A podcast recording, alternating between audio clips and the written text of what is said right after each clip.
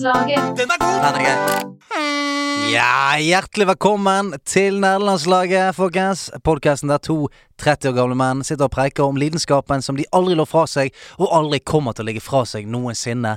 Gaming, nerding, alt det deilige ved livet. Og min makker sitter rett foran meg her. Han ser nydelig ut som alltid. Eh, gått vekk fra gamingrelatert T-skjorte denne gangen her. Gått for en eh, smooth, mørke, brun slags T-skjorte. Andreas, legenden Hedemann. Knall i padden. Den liker jeg med en gang. Knall i Du snakker mitt språk. Hvem er det som har sendt inn denne fantastiske catchphrasen her? Hvem er det vi skal sende en million kroner? Liker koselige bergenske catchphrases. Hilsen Paranizer. Ja, men den er knall i padden. den. Knall i padden. Puff i peisen, uh, krut i kamelen. uh, Men hvordan er det man uttaler det? For jeg, jeg bare uh, tok det på så for du, du ligger en E, sånn du sier padden. Padden. Men det er ikke det, sant? Vi, vi, vi, ja, vi hopper rett over den E-en. Vi sier padden. Ja. ja, for det står her. Uttales knall i padden. Står det faktisk. ja, ja. Knall i padden. Knall i padden. Padden. Knall i padden. Mm. Padden. Og eh, hvis det er en EN-ending etter en N ofte, sånn, så, eh, så driter vi i EN. Sant? Da er det bare mannen. Ja, Ja, ja. ja. Det var han, padden. det, det var han, det var han mannen. Ikke mannen. skjønner. Mannen. Man. Ja, ja. Ja, dialektkurs Ja. hver uke. Er. Her får du lære gaming, eh, dialekter, alt mulig. Det er så mangefasettert. Det er hyggelig å se deg. Jeg hørte at du kommenterte på min T-skjorte. Eh. Den ligger i sekken. Jeg har glemt å ta den på meg. Ja, men det går helt fint, det. Ja.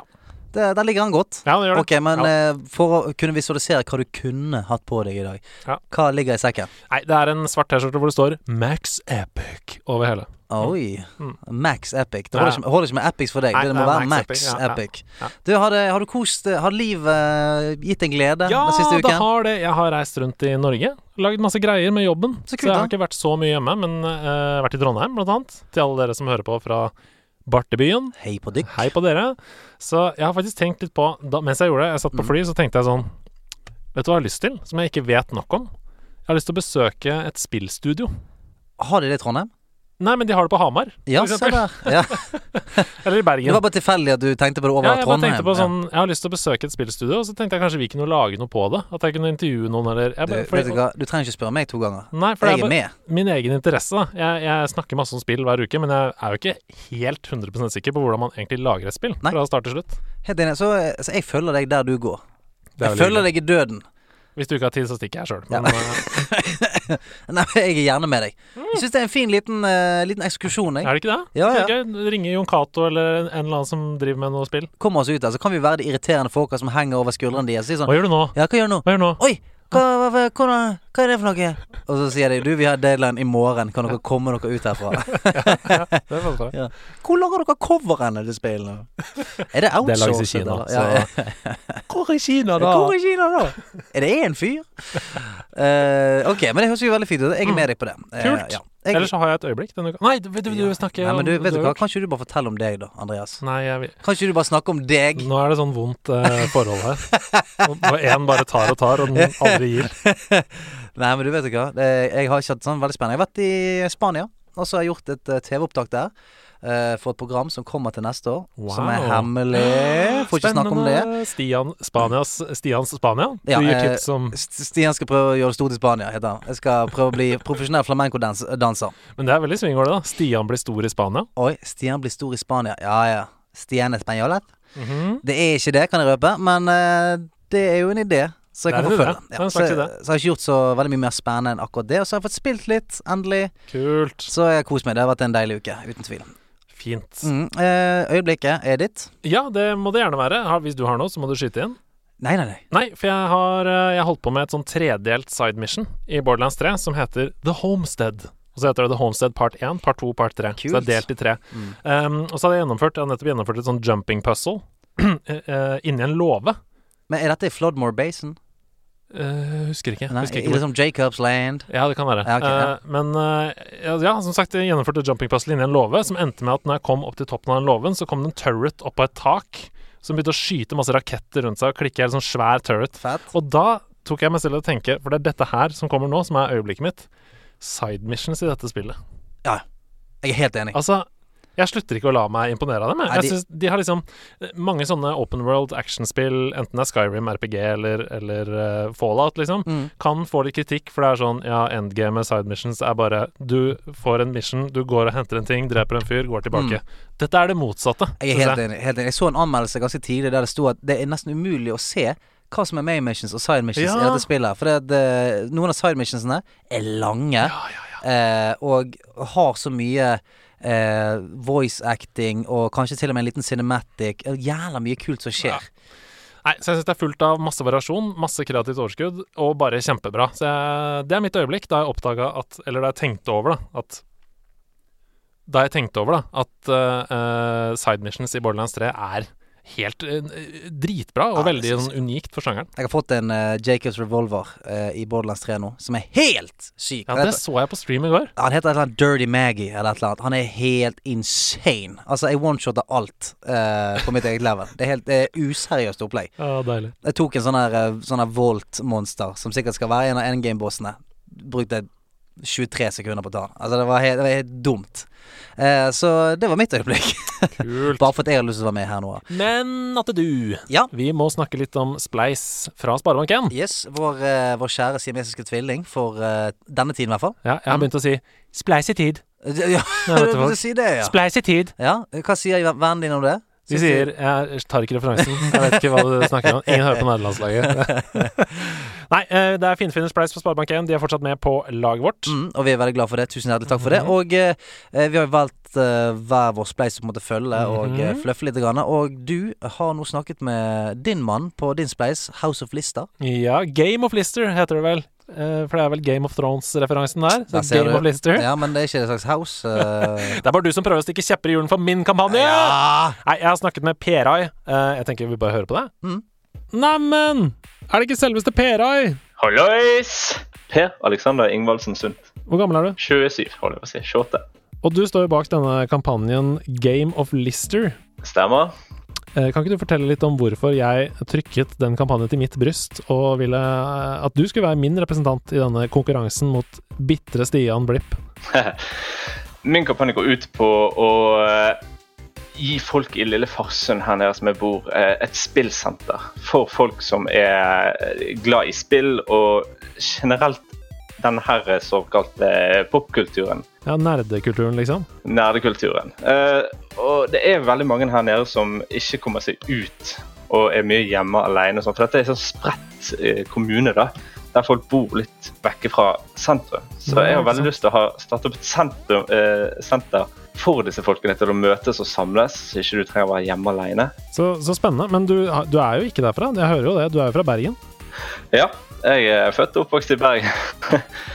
Så møtte jeg eh, kjæresten min som eh, er her nede ifra, men originalt er hun faktisk ifra Bergen, hun òg, men hun flyttet ned her når hun var i syvårsalderen. Da tenkte du det er ikke holdbart at dette stedet ikke har et spillsenter. Nei, men det som er så rart med dette stedet, at det har et lite gamingmiljø som er skjult. For første gang jeg flyttet ned her, så fikk jeg en smakebit av Pokémon Go-folkene her nede. For det er en god gjeng på 20 pluss stykker som spiller Pokémon Go og har sin egen lille chat. Wow, så fett. Yes. Det er så fett. Ja, og, og det Game of Lister det er altså et spillsenter som skal på en måte samle hele regionen, da, eller?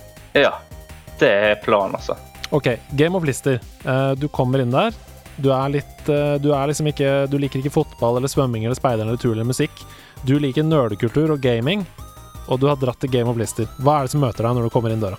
Åh, det skal være det, det skal komme som å være på en type outland, bare det at istedenfor å kjøpe alt som er der, så kan du ta og bruke det der og da. Du, du trenger ikke å være bekymret for nokke ned og ned fra hyllen og betale for det, for det, det skal være der for å bli brukt. Det skal være bøker, eh, det, skal være PC-er, det skal være gamingkonsoller, og vi skal ha retro, ikke minst. Hvis man eh, bidrar her, da, hvis man går inn og spleiser, hva er det man kan få igjen for det da? Det vi har prøvd å gi her, er muligheten til å støtte oss med at vi kan sette opp et bilde av deg eller din karakter, f.eks. hvis du har en bokkarakter karakter eller Destiny-karakter. Det spiller ingen rolle. Vi fyrer det opp på veggen, det du vil ha opp på veggen, med nametag under. Du har jo sagt at du er villig til å gjøre både ditten og datten dersom du skulle Ja. nå dette målet. Kan ikke du Jeg fortelle litt om det? Jeg har sagt meg villig til at eh, hvis jeg når et visst mål, som jeg håper vi når, selvfølgelig, men samtidig så jeg gruer meg vanvittig hvis vi gjør det. da skal faktisk du få lov til å skamklippe meg. Nett som du ønsker. Og så skal jeg gå med den frisyren i syv dager. Ah, hva var det du tenkte på? Jeg vet ikke. Jeg bare tenkte Jeg vet det er sykt gøy. Ja, det er veldig gøy. Jeg, jeg, lover, jeg lover her og nå at hvis dette skjer, hvis vi når målet til Game of Lister på 50 000 kroner, sånn at eh, de kan få eh, leid seg et sted og fått eh, satt i gang dette her med litt spillkonsoller, litt utstyr og sånn, da skal vi filme at jeg skinner, eller eventuelt lager en slags frisyre på PRI som dere sender inn, da. Det har kommet sånne tears til sveisen inne på discorden, så jeg anbefaler at dere går inn der og gjør det. Men mest av alt så anbefaler jeg at dere bruker pengene deres på å gi et godt alternativ til barn, unge, voksne, gamle, hvem som helst. Eh, til gaming og nerdekultur da i Lister. Høres ikke det ut som en eh, god plan, eller? Helt fantastisk plan. Jeg ville gjort det sjøl. Jeg har gjort det. Du har gjort det, du har starta det opp. er det sånn at dere har noen samarbeidspartnere eller, som dere gjør dette sammen med? Vi eh, holder på å få til et samarbeid med de i avdeling for eh, psykisk helse her nede i Farsund som jeg bor. For, spill er noe du kan gjøre uansett eh, om du sitter i rullestol eller om du er deprimert. For det, det er terapi å kunne forlate denne verden for å gå inn i spillverden og rett og slett være den du vil. Jeg kunne ikke vært mer enig. Altså. Det syns jeg er skikkelig bra tiltak. Men dette er en frivillig organisasjon, ikke sant? Ja. Vi er 100% frivillig. Dette er ikke noe vi har lyst til å tjene fem flate øre på. Vi har lyst til å gi alt til Game of Lister. Ja, for dette er, bare, dette er bare en ideell organisasjon, så pengene som kommer inn, det skal bare gå til utgifter. Det er ingen som tar ut lønn. Helt korrekt ingen av oss skal tjene fem flate ørter på dette. Er du fornøyd med Spleis, eller? Hvordan det har fungert for dere, liksom? Jeg ser jo at dere har fått inn en del penger allerede. Vi er veldig fornøyd med sånn som Spleis har fungert hittil. Det, det har vært en døråpner for oss. For vi har slitt litt med å få donasjoner fra andre steder og mye søknader og sånt, og så kom Spleis bare fra himmelen. Det kommer til å være en stor uh, og kul uh, greie for alle i Lister-området, så jeg anbefaler å gå inn der. Og hvis du uh, sitter og tenker sånn Shit, jeg har jo ikke noe spillsted der hvor jeg bor. Gå inn på spleis.no da, og lag ditt eget Game of Lister. Om det er Game of Drøbak eller Game of Lindesnes eller Game of Kirkenes eller hva som helst. Tusen takk for at du var med. Tusen takk. Og så gå inn og gi penger, sånn at jeg kan barbere hodet til Pera.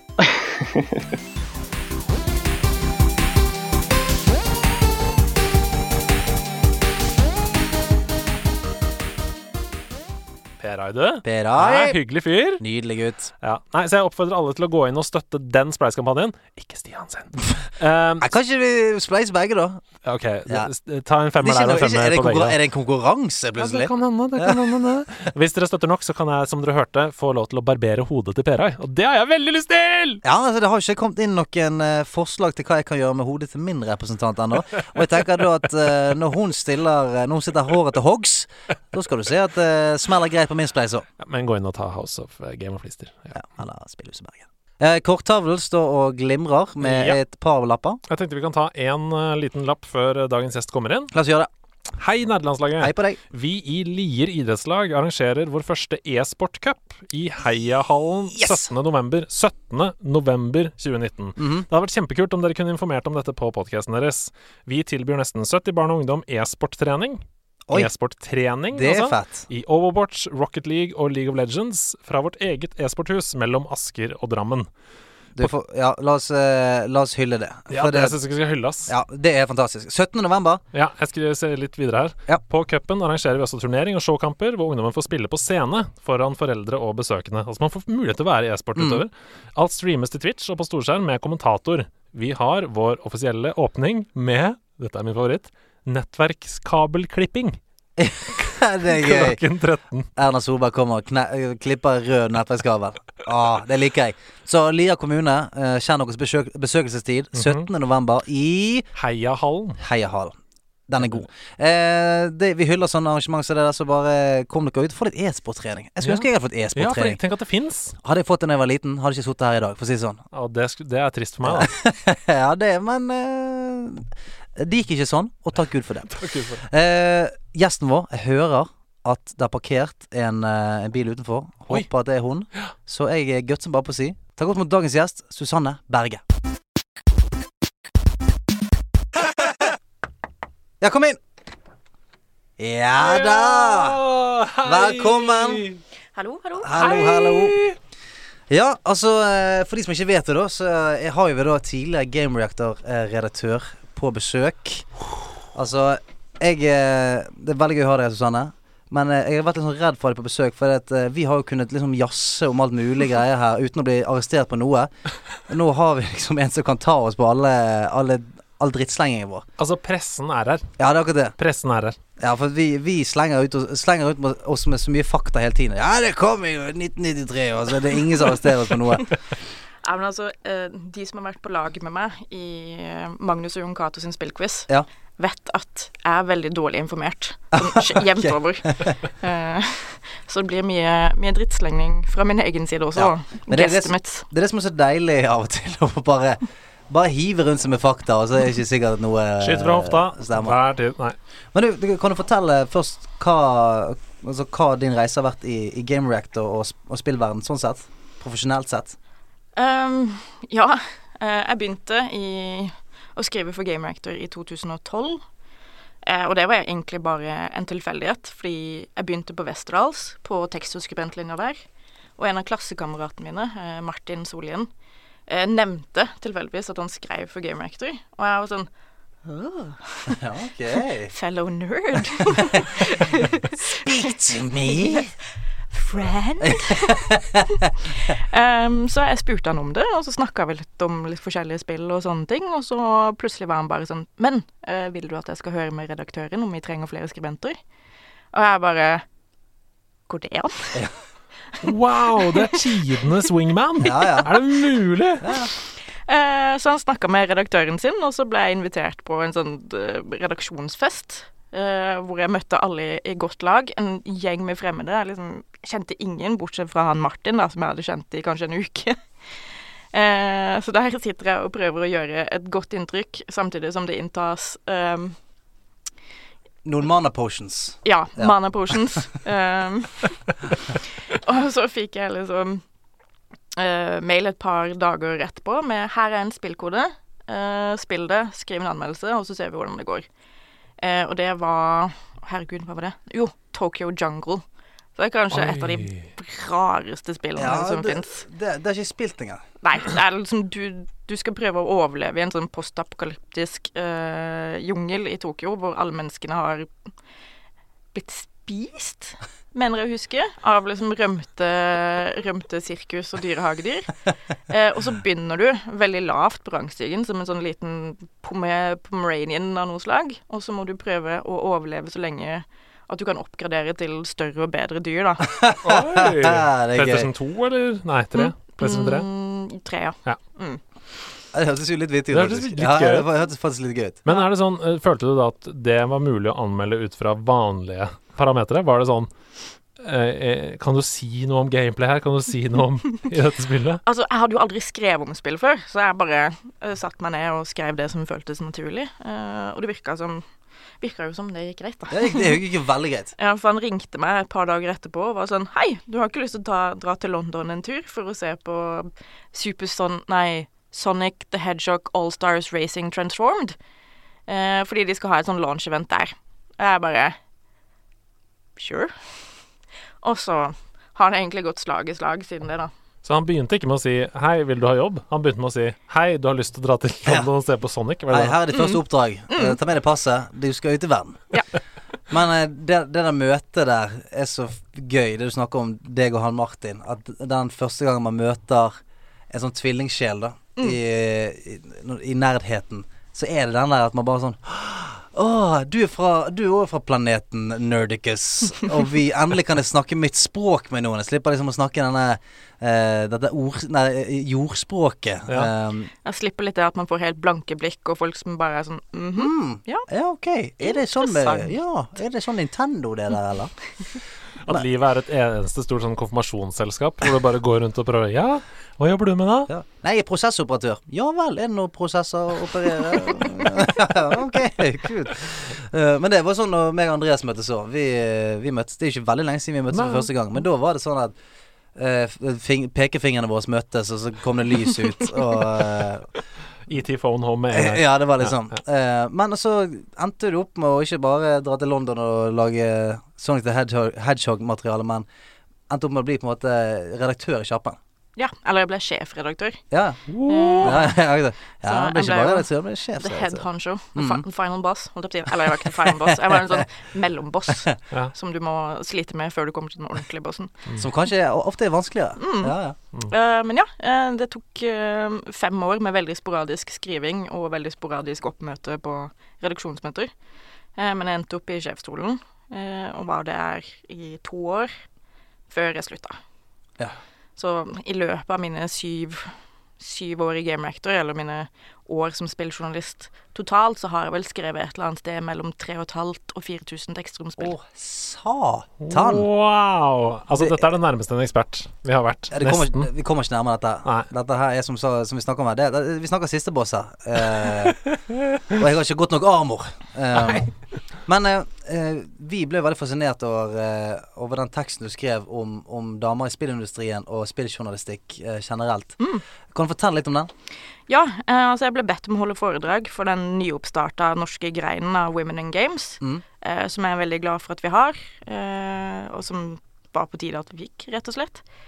Eh, hvor eh, de sa at egentlig at jeg kunne skrive om eh, hva som helst som jeg hadde lyst til, fordi jeg har hatt Jeg har gjort en del sånn Holdt et par foredrag og gjort litt gje- gjesteforelesninger både på Westerdals og på Universitetet i Oslo, eh, hvor jeg har tatt opp litt forskjellige temaer. Men, så jeg tenkte at hva om jeg ikke bare liksom kombinerer noen av disse foredragene eh, og snakker om min egen erfaring som spilljournalist, eh, som var på en måte akkurat i det tilfellet en, en unik vinkling, da, Mm. fordi de var de var produsenter og spillutviklere og lærere og, og sånne ting. Eh, eh, og i kjent stil og tradisjonen tro, så begynte jeg å mekke dette foredraget to dager før jeg skulle ha det. så det var mye, mye desperat uh, googling og veldig seine netter og mye monster. Uh, Du men kjente på crunch. Hvilken, ja, Ja, ja, det var- hvilke monster? Uh, hvite? hvit og lilla, Mm. liksom om hverandre. Dere er som vinsmakere. Som er, Ja, ja. ja. Mm, er Hvilken det årgang, Hvilken årgang var det? Er, Monster? er det den der Mango Madness det gikk? Ja, ja, ja. Eh, og så mm, holdt jeg foredraget, og det gikk veldig greit. Og så tenkte jeg det er sikkert flere som har interesse av av den informasjonen jeg har funnet, da. Så jeg skrev det om til en artikkel, og så la den ut på, på spillnettsida vår, da, som heter Spillbart, eller Spillbart. Det kan du velge. Eh, Spillbart! Jeg vil Ja. ha spillbart-T-skjorte. Ja, ja. Eh, og så har den egentlig fått veldig mye oppmerksomhet, som er gøy, fordi jeg brukte jo ganske mye tid på å skrive den om, og, og legge til mer eh, kilder, og bare få litt mer hold for de tingene jeg sier. For, på foredraget så var jeg litt sånn Hey, Ja. eh, 35 der. litt, litt lemfeldig med, Ja. med påstander, men nå i ettergang så har jeg gått eh, gått inn og bare etterprøvd alle sammen. Ja, for når du googlet deg fram til dette, så skjønte jeg at da, da fant du noen eh, eksempler og noen fakta på at ting sto egentlig verre til enn det du trodde i utgangspunktet. Ja, altså jeg var Jeg visste at det var få damer som var spilljournalister, fordi eh, hver gang jeg er ute og gjør noe, så treffer jeg ingen. Mm. så, så det, det er Ja, jo bare basert på egen erfaring, så visste du det, liksom. Mm. Men, men, Men så begynte var... jeg å gå det etter i sømmene. Og tok for meg liksom, de fem eller seks største spillnettsidene og spillmagasinene her i Norge. Og bare telte, rett og slett. Hvem de har som skriver og produserer for seg. Hvor mange, hvor mange er de totalt? Hvor mange menn er det? Hvor mange damer er det? Eh, og det viste seg jo å være sånn totalt jevnt over i, i Norge, så er det 7,9% av alle eh, spilljournalister som er kvinner. Ja, under én av ti, rett og slett. Yes. Ja. I, I Game Reactor så står det jo mye verre til. Eh, der er det 2,63% av alle spilljournalistene i Norge, Sverige, Danmark, Finland og Storbritannia, som er de fem shit. største og eldste territoriene GameRector har. Her snakker vi nærmere 80 eh, journalister og skribenter. En kvart av ti. Det betyr øh, Oi, er det bare én, eller? To. Det er to! Yep. Holy Moses. Eh, og det er hun som overtok jobben min. Eh, og så er det ei til som jobber for eh, Game Actor UK, som heter Lisa Dahlgren, som er veldig kul. Mm. Og så, og så skjønte jeg sånn at når du uh, begynte Når du ble head honcho i Mm. Game Reactor, så tenkte du at ok, nå har jeg lyst til å fikse dette her. Uh, hadde alle de riktige på en måte, innstillinger og sånt, men så gikk det ikke av en eller annen grunn. Og, og hvorfor ikke? Altså, jeg hadde jo sett for meg at det var en, en grunn til at det ikke var flere kvinnelige journalister, og jeg hadde alltid sett for meg at det var noen, altså en, en større kraft, eller the man, eller whatever Mm. du har lyst til å kalle det, som sto i veien. Ja, eller en redaktør som ikke mottok Eller som ikke tok inn da kvinnelige Mm. journalister, som prioriterte mannlige, f.eks. Yes. Eh, men så lyste jeg jo ut det at jeg trengte flere skribenter, eh, og av de 30-40 søknadene fikk, pluss en hel del som kom liksom, gjennom hele året, så var jo kun tre av de fra damer. Mm. Og to av de ansatte, og hun ene tok jo over jobben min når jeg slutta. Eh, og hun andre går nå på Westerdals og studerer spill, eh, så det er eh, Det er en seier der. Det er en seier Ja, der, er uten tvil. Mm. Um, og så um, Når jeg skulle lage dette foredraget, så var det liksom ikke nok å si at hei, det står jævlig dårlig til her. Her er tallene. Men jeg ville også se litt nærmere på hvorfor det står så dårlig til. Mm. Eh, og da tok jeg jo utgangspunkt i min egen, i min egen karriere som spilljournalist, da. Og kom opp med fire eller fem grunner med liksom eksempler eh, fra min egen tid, Mm. på en måte. Eh, og det er jo veldig deprimerende lesning. Det er jo det. Ja, for jeg likte veldig godt det eksempelet du sa det med at eh, i begynnelsen så tenkte du Ok, det, det er litt kult å være den eneste her, for det, du, du er liksom banebrytende, og uh, du, man blir veldig sånn unik og spesiell i bransjen. Men så skjønte du ganske tidlig at ja, men faen, det er jo det er jo ingen andre her. Det er ingen andre som meg, og det blir Det er gjerne deprimerende. Mm, det, er, det er veldig trist. Fordi Ensomt. Det høres veldig ensomt ut. Ja, og så har man på en måte Man mangler jo rollemodeller og folk å se opp til. Mm. Og når man ikke ser seg selv i en, i en bransje eller en sjanger eller i et medium, da, spiller ingen rolle hva det er. Det er film, spill, eh, TV, bøker. Eh, Kvinner er underrepresentert over fuckings alt. Mm. Um, så blir man litt sånn Ja, OK, men kanskje ikke jeg hører hjemme her. Kanskje det ikke er noen plass for meg her, fordi Mm. hvor er alle de andre? Eh, og det er, det er en veldig kjip følelse å sitte med. Mm. Ja, så er det som du sier, du sier forbilder, ikke sant. Mm. Det er veldig ofte sånn at man eneste måten å bli bedre på noe, er å se opp til noen og prøve å nå det nivået man mener vedkommende har, da. Ja, for, for vi er jo veldig sånn Jeg vil være den Ja. personen på, Ja. på, på en eller annen måte. Jeg vil, Jeg- jeg være han. Jeg tenker jo veldig ofte eh, når jeg våkner Jeg skulle ønske jeg var Stian Blipp. og så prøver jeg å etterligne alt han gjør, sier, spiller Nei, men eh, ikke sant. Eh, og hvis man ikke har noen forbilder, hvis man ikke har noen tekstuelle forbilder som du kan sammenligne deg med og, og føle at du har noe å se opp til, så blir man jo heller ikke bedre, eller i hvert fall ikke motivert da, til å bli bedre. Mm. Så jeg var jo jeg holdt på å si sjeleglad når jeg faktisk kom over uh, spillpikene. Men det var jo ved nesten en tilfeldighet, det også, og det syns jeg er veldig synd. Altså, Mm. De burde jo vært front and center overalt, og jeg bruker de alltid som, som referanser og kilder hver eneste gang jeg skriver en mer dyptgående artikkel. Så sender jeg en mail til Spillpiken og bare Hva syns dere om dette? Ja, fett. Og det er jo en av grunnene til at vi hadde Kristina her Mm. eh, fra Spillpikene, fordi vi ser opp til dem og syns de er dritkule. Eh, så ja. Og så, men jeg, òg- jeg ble jo helt sånn eh, sjokkert over mye av de, eh, eh, de Mange av de prosentene du fant i researchen din. Altså, jeg visste jo det at selvfølgelig kvinnelige protagonister er veldig sånn underrepresentert, men jeg, igjen da, alt du fant var så mye verre enn jeg òg trodde. Mm. For hva var det kom fram til? At sånn 6-7 av alle protagonister i alle spill var kvinner? Uh, ja, altså i hvert fall av de, de nye spillene som ble presentert på E3 i år, så var 5 uh, kvinner. Mm. Sånn jevnt over så ligger vel tallet på rundt et eller annet sted mellom 20 og 25. Ok. Uh, hvor rundt 80% Mellom 75 og 80% er liksom menn, og så må man gi bitte, bitte, bitte, bitte lite plass til de som ikke hører hjemme Ja, verken under er, mann ja, eller de som er en ball, eh, Ja. på en måte. Eller som er non-binaries, da, eller identifiserer som noe annet. Mm. Fordi eh, Ja, de er der jo, men det er veldig få av de. Ja, og så eh, når du snakker om E3, så var, du hadde til og med funnet prosent av hvor mange eh, damer som var og presenterte spill på scenen.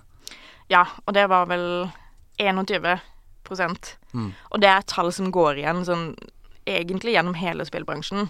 Så ligger prosentandelen kvinner på rundt 20 Mm. eh, Antall spillutviklere eh, i år er bare 19, ifølge GDC sin State of the Industry-rapport. Mm. Eh, og det er Det er jo mange som har det, det har sikkert droppa ut en del, fordi vi har jo hatt veldig mange saker i det siste med, med Skittige sjefer og yes, Med mye diskriminering og mye trakassering og mye overgrep, egentlig. Så det er jo Mm. Spillbransjen har enormt mye brain drain, Mm. eh, som det heter, holdt jeg på å si. Når det kommer til smarte og flinke damer, fordi Mm. de gidder jo ikke mer. Og det er også den tilbakemeldingen jeg har fått på artikkelen min, er at damer som tidligere har skrevet om spill, har slutta av nøyaktig de grunnene jeg har oppsummert i, i, i artikkelen min. Og sånn kort oppsummert så er det mangel på rollemodeller og representasjon. Eh, det er gatekeeping. Eh, det er press om å være perfekt, kombinert med imposter syndrom, som er langt mer utbredt hos damer enn det er hos menn. Ja, altså imposter syndrom, sånn at noen sier at hei, du, du skal ikke være en spillermelder. Du, Det du, det, fe, du faker det. det er frykten for at noen skal si det, ja. Ja. Imposter syndrome er personlig. Press om å være perfekt kommer utenfra. Fordi det er jo sånn at det finnes ikke noe rom for middelmådige minoriteter. Mm. Er du en minoritet i en bransje, så slutter du å være et individ, og du begynner å være en representant for hele gruppa di. Og da kan du ikke feile. Nei, det er shitty forhold å jobbe under. La oss være enige om det.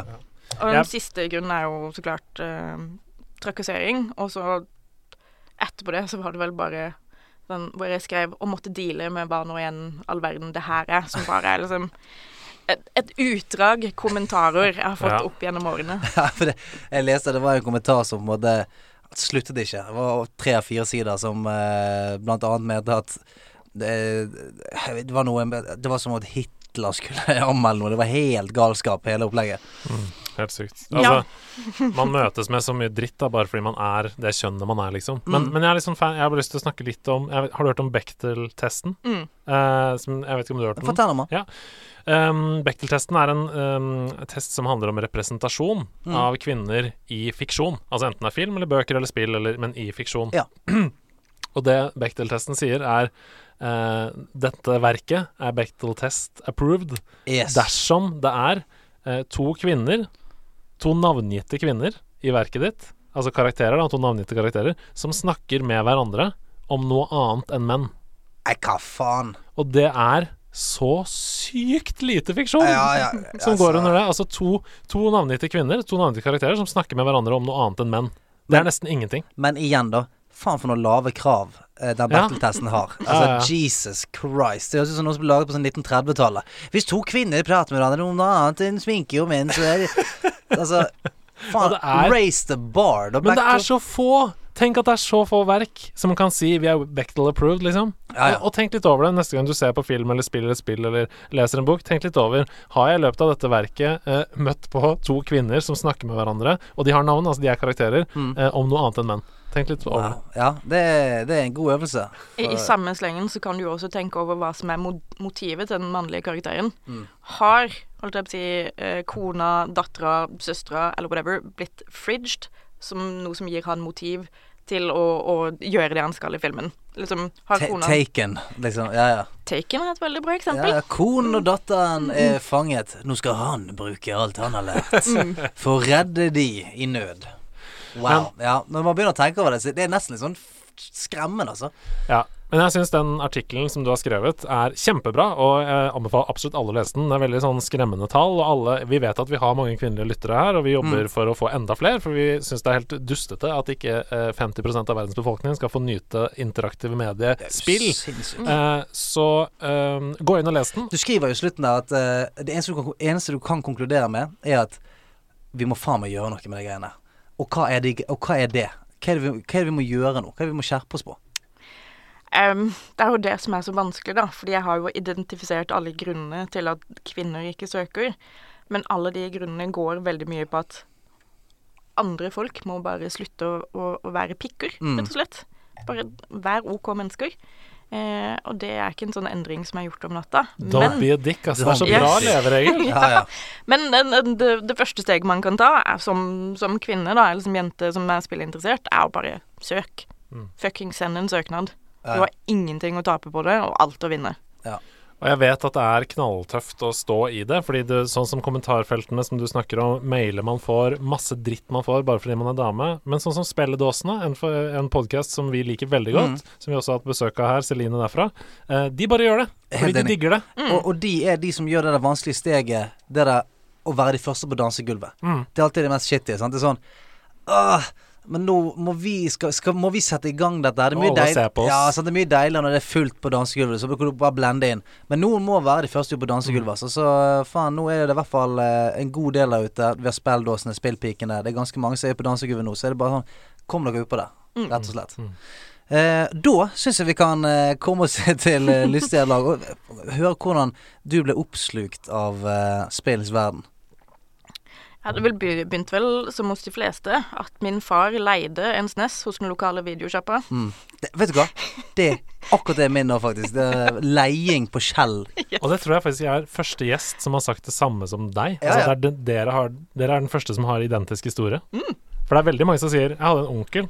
Det sier nesten Ja, ja, ja, alle, «Jeg hadde en har, alle har en onkel som jobbet i Brio, eller sånn. Jobbet i Amerika. Ja. Mm. OK, Snes. Ja, eh, leide den, og så ble det til at vi ble sittende og spille uh, Super Mario når jeg var og besøkte den i sommerferien og sånn. Super Mario World, eller?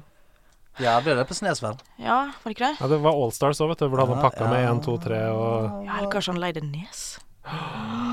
Dun, dun, dun, dun. The plot thickens. Ja, kanskje det er så lenge siden. åpner. Queegee. Nei. Ja. Ja, det var Nes. Ja. Det var det. Ja. Um, så eh, kjøpte han seg etter hvert en, en laptop, og der fikk jeg spille Jazz Jackrabbit. Åh, shit, det hadde jeg glemt! Det hadde jeg faen meg glemt. Oh, Just Drag Me! oh. vet du hva, første gang jeg spilte det? Demo på sånn eh, K for computer, det bladet. Oh, demo Just ja, Drag ja. Rabbit. Og det var juleversjonen. Og på samme demo så var det også Christmas eh, Duke Nukem 3D. Og etter det så var Jazz Jackrabbit jakten på gulrøttene. Jazz Jackrabbit! Å, det hadde jeg glemt. Det var en gave. Takk for den gaven. Det- ja. Fortell. Jazz Jackrabbit. Ja. Jazz Jackrabbit. Det er jo et av de første sideskrullende plattformspillene som kom til PC, eh, og jeg spilte det i timevis. Eh, vi bytta på å spille, da. Hvis, hvis det ble for vanskelig, så måtte jeg gi liksom, PC-en til han og bare 'Pappa, kan du hjelpe meg? Sitter fast.' Eh, og så hadde jeg vel en liten pause hvor jeg ikke spilte noe særlig annet enn sånne rare lær deg å stave og regne-spill. Mm, Josefine. Josefine-ish. Josef, mye Hugo. Josefine. Hugo. Og så noen andre sånne rare plattformspill hvor du drev sånn hoppa fra plattform og skulle finne bokstaver og stave i riktig Ja, det var sånn Windows 95 skolespill. Ja, ja, stemmer det. Stemmer det. Fy faen, jeg satt oppe til fire om natta og bare Skal bli så jævla flink. Skal faen stave dritten ut av de levelene. Den norske skolen. Hører dere dette? Ja. Hun satt oppe til fire på natta Ja. og tenkte 'jeg skal bli så flink'. Ja, og koste seg med det. Sant? Og ble redaktør i Ja. Game Reactor. Ja, sant. Journalist. Og nå sitter folk oppe til langt på natt og har angst og er livredde. Ta masse sånn prestasjonsfremmende medisin og Ja, sånn ja. for å holde seg våkne. Bare gi dem skolespill til Windows 95! Døgner de med et smil om munnen. Kommer til å øke liksom, kompetansenivået på norske elever så, så det ljomer. Eh, og så hadde jeg vel en liten sånn rolig pause før eh, min stefar fikk meg hekta på Drakan, Order of the Flame, og Max Payne, Kingpin og Soldier of Fortune. En sånn Soldier of Fortune, ja. veldig merkelig og upassende blanding Altså. Ja, Hør på den fireren der. Den er fin. Er Fin firer. Det er en nydelig introduksjon til spill. Faen, da har du skutt av noen hoder altså før Allerede i første fire spill. Eh, og, og Drakan var jo en, en øyeåpner de luxe, fordi det var et av de første spillene hvor du faktisk Hvor jeg så at man hadde en kvinnelig hovedkarakter, fordi du spiller som Bryn. Eh, jævlig badass dame eh, som er på jakt etter broren sin, som har blitt kidnappa av noen sånne eh, stygge troll og noe faenskap. Eh, og du får fly på en faktisk bonafide drage, Mhm. eh, som lærer seg forskjellige angrep og tjo og hei, og det er bare Det er ikke noe sånn Skyrim her. Det er ikke noe cutscenes. Det er cutscenes, Nei, Jeg nei, får fly på dragen sjøl! Ja, ja, du flyr den rundt og skyter på ting og liksom Ja, setter nydelig, fyr på huset hus og liksom Ja. Ja, det er alt det der. Og det var amazing. Jeg spilte det sammen med eh, kusina mi. Vi satt og spilte i tandem, satt ved siden av hverandre og var sånn derre Helt hekta, og dette var jo før man hadde walkthroughs og, og liksom YouTube-videoer hvor du kunne lære deg hvordan i faen du skulle komme deg videre. Så vi satt der og bare Trykk på alt! Slå i gulvet! Sett fyr på den tingen! Noe må gjøre at vi kommer oss videre. Uh, og Ja, faen, det, der, det husker jeg, det der å sitte fast i et spill og bare fuckings bare trykke på alt. Og bare sånn jeg, jeg, jeg må ha glemt en knapp eller et eller annet. Altså sånn, og bare teste. Og så husker dere Cheat Planet? Er det det het? Cheat Planet? Cheatplanet.com. Ja, det var det helt sant. Kodesiden. Ja, det var sånn den første gangen du kunne faktisk få noe hjelp til et spill, liksom. Det var, jeg tror det var Cheatplanet. Uansett. Var ikke meningen å avbryte. Nei, det går fint. Jeg blir så giret. Jeg har lyst til å si at selvfølgelig! Herregud, Ja, ja. jeg brenner. Jeg sitter og drar meg i hendene Jeg synes det er så gøy å høre på. Men vi, altså, vi fikk, vi fikk runda det, og etter at vi runda det, så ble mine søsken liksom litt hekta, og så var de sånn 'Susanne, kan du ikke sitte Kan ikke vi få lov til å sitte ved siden av deg mens du spiller Drakan?' Ja, for de ville se på. Ja. Akkurat som meg da jeg var liten. Yeah, you Og watcher så, you. ja, og så begynte vi, begynte vi sånn. Jeg har spilt Drakan igjen nå i nyere tid, for min samboer fant en sånn mint condition Collectors Edition av det på eBay, og så installerte vi på en, på en PC nå, og vi måtte liksom tukle så jækla mye før de i det hele tatt kjørte. Mm. Men jeg har spilt det, og jeg sitter nå og tenker Hvordan i helvete runda jeg det? Den gangen da. Altså, Ja, ja, ja. jeg, jeg, jeg kunne ikke sånn kjempebra engelsk, og vi hadde ikke noe walkthroughs eller noen ting, og nå sitter jeg her liksom nesten 20 år seinere og er bare sånn der Dette er så vanskelig. Ja, ja, men det, er sånn, det vi glemmer, er at sånn Når vi spilte de spillene da vi var kids, så brukte vi sånn seks måneder på det. Ja, ja. Og nå er det sånn Jeg, skal, jeg må kunne buste gjennom det på en kveld, Det er liksom. akkurat det. Ja, ja. Eh, Fordi det, det, det Vi har snakka mye om Ocarina of Time, for det var sånn for meg at vi kunne ikke engelsk, vi visste ikke hva vi skulle gjøre. Det var noen høner som skulle inn i noe grind, Ja, ja. ned i noe brønn, det var noe Shadow Temple Altså, at vi runda det spillet, er helt uforståelig for meg fortsatt. Men det er som du sier, da. Det var etter skolen, fra tre til ni Ja, hver dag i et halvt år. Ja, ja. Så det er liksom 2000 timer. Der du bare De gikk rundt og slo på alt og bare snakket med alle og bare Å ja, faen, der skjedde det noe. Ja, og så skjønner man jo eh, konsepter. Altså Man skjønner sånn Det er en bonde. Han har noen høner. Da skal De- ja. sikkert de inn i den grinda. Ja, ja. Ikke sant? Sånne ting skjønner man jo selv om man ikke kan engelsk. Ja, ja. Så Ok, fortsett. Ja, eh, og så Og så, så kom Gears of War, egentlig. Eh, og jeg har spilt alle spillene så mange, mange ganger. Med, liksom, jeg har spilt med co-op med kjærester, jeg har spilt med, min, med venner, jeg har spilt med min bror. Min bror. Eh, vi har låst oss inne på liksom gutterommet. Uh, jeg kommer hjem fra Oslo og er hjemme en helg. Et nytt Gears of War har kommet ut. Vi sitter der hele helga, spiser Smash og drikker Monster, og så kommer vi ikke ut igjen før vi er ferdig. Oh, Og da er vi sånn derre rødsprengt i øynene, og bare håret står til alle kanter, og vi er sånn derre Oh my god. I've been through hell, man. Hell and back. Men da er du Xbox-person, da. Uh, I hovedsak ja, men nå spiller jeg på alt. Jeg har, jeg har alt, Hva, hva var favoritt-gearsen din? Um, det er et vanskelig spørsmål, egentlig. Nå har jeg, Ja, ikke jeg, har ikke, jeg, har ikke spilt, jeg har ikke fått spilt meg gjennom fem, men den lover veldig bra. Uh, men kanskje treeren, Ja. ja. Mm. Fordi det var Av alle de spillene så var det det peneste. Og så var det jævlig fete boss encounters. Mm. Og sånn og spesielt når man spilte det sånn fireplayer co-op eh, på Hva var det her? Var det Hell? Den, Den vanskeligste difficultyen. Oh, ja. Den het eller sånn helt sinnssykt Nightmare Ja, eller Hell eller eller noe sånt. sånt. Nightmare pluss, sikkert. Ja, det er sikkert noe sånt. Og det er jo, jeg har så sinnssykt mye gode minner, for jeg, jeg gjorde veldig mye sånn standup og sånt da jeg var uh, yngre. Så da, had, da var hverdagen min sånn Begynne på jobb klokken halv åtte om kvelden. Så da var vi en sånn komikergjeng som, eh, som begynte å spille Gears of War. Og eh, sånn hver dag så møttes vi ganske tidlig liksom online på Xbox, og så skulle vi prøve å komme oss gjennom alle levelene på det der Nightmare eller et eller annet. Og det tok jo månedsvis. sant? For vi brukte jo eh, ukevis bare på å klare ett et level. Så eh, jeg har så sinnssykt mye gode minner med det. Og så hater jeg meg selv for at jeg ikke har fortsatt å spille det. For jeg, eh, jeg er jo en PlayStation-fyr. Og så eh, spiller jeg ikke så mye Xbox. Men bør jeg få meg en Xbox? Jeg syns, jeg syns, altså, jeg syns jo man burde ha alt, egentlig. Ja, for det er ikke kunne, et godt svar. for å kunne bytte. Men nå har jo Microsoft så mye Nå får de jo veldig mye Play Anywhere-spill. Mm. Og cross, uh, cross-platforming, holdt jeg på å si. Mm. Um, kommer jo sikkert til å bli eh, en større del av spillbransjen etter hvert. Ja, ja. Nå har jo Sony også kommet litt på glid. Ja. Så fremover så er det ikke sikkert man trenger å ha en av hver for å Nei, kunne men- få med seg alt. Det er noe med møbel òg, da. Jeg, Ja, ja, ja. jeg sikler litt på Scarlett, altså. Det må jeg si. Uh, og jeg har aldri vært noen Xbox-fyr i det hele tatt. Men første gang jeg spilte Xbox lenge over en lang periode, det var Skyrim. Ja. For da hadde jeg ikke konsoll selv. Tenk på det. Uh, og eh, noen venner av meg bodde i et hus på Ullern. De hadde hele huset sammen, så hadde de hvert sitt soverom. Og i stua der da så sto det en Xbox med Skyrim, Og jeg overnatta så mye hos dem i den perioden.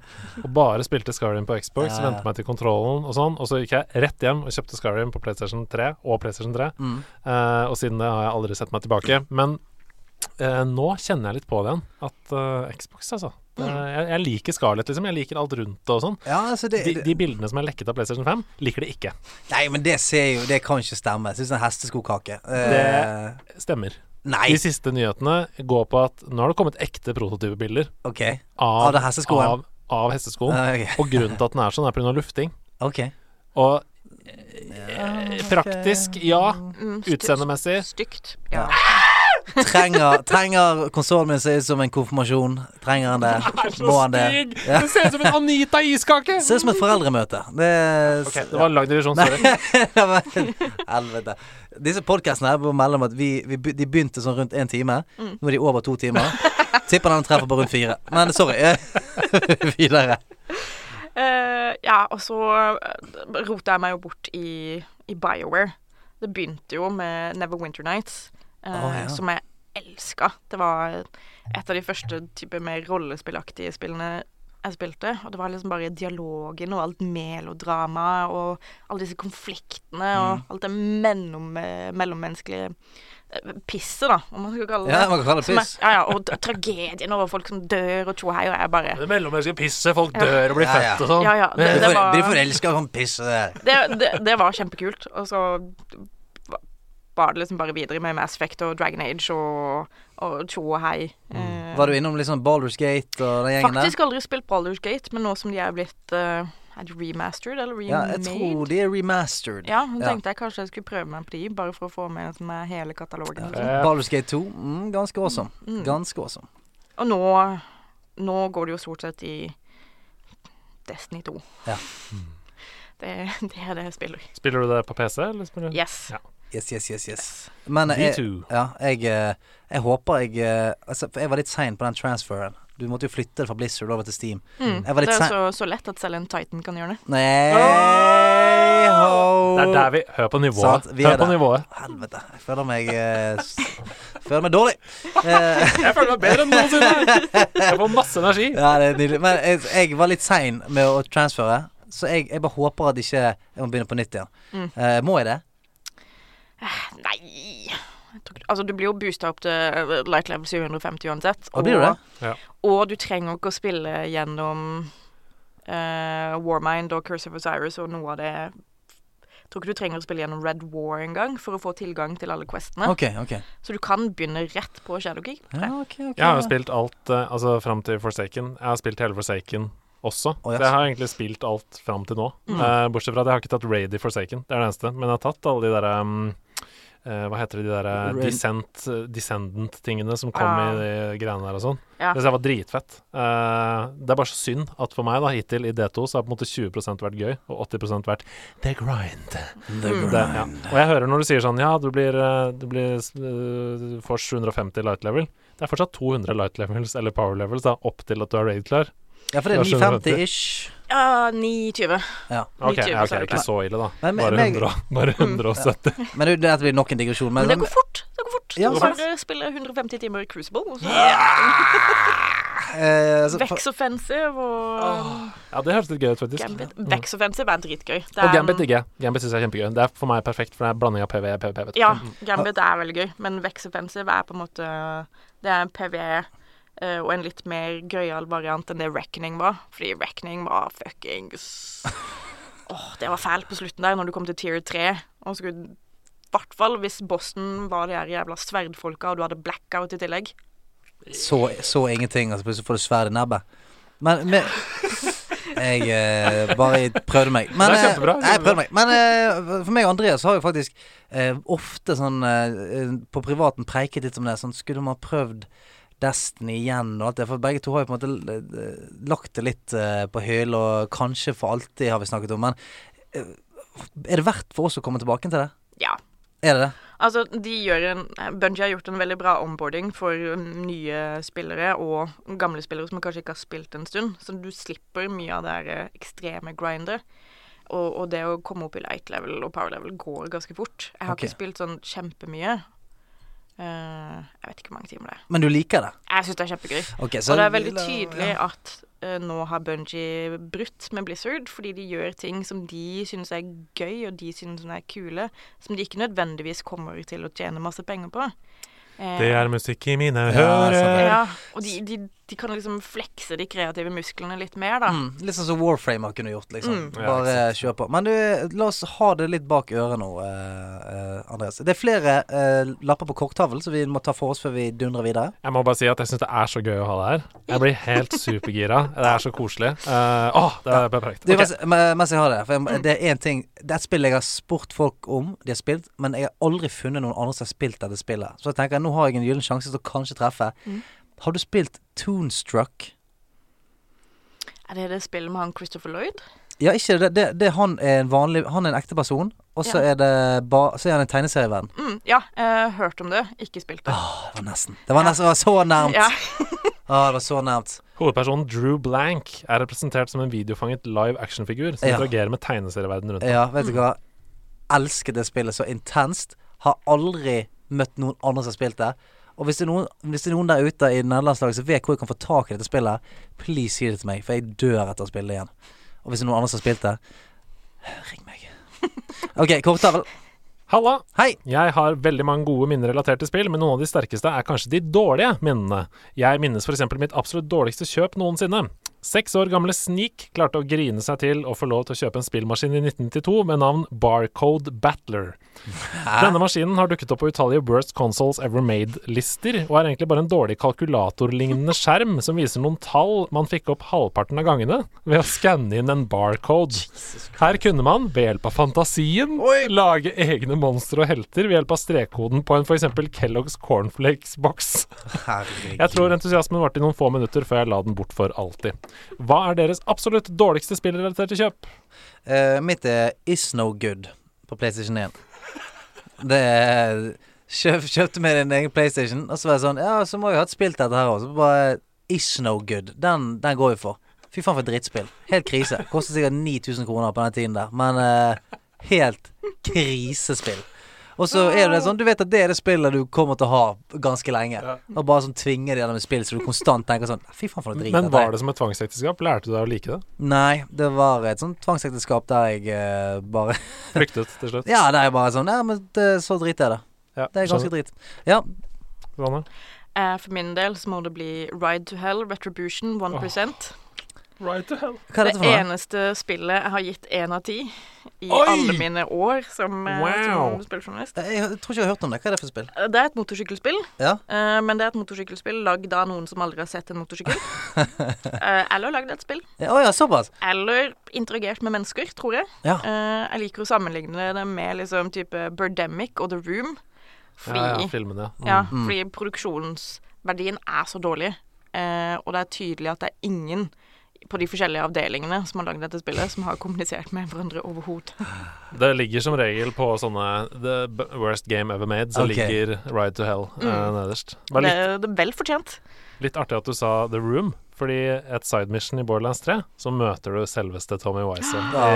eh, i en ny persona. Så Gøy. gled dere til det. Det er kjempegøy. gøy, gøy. Jeg må spille med en Borderlands 3. Du leter etter hans uh, savnede, savnede projektor. Ja, ok. Er det noen flere?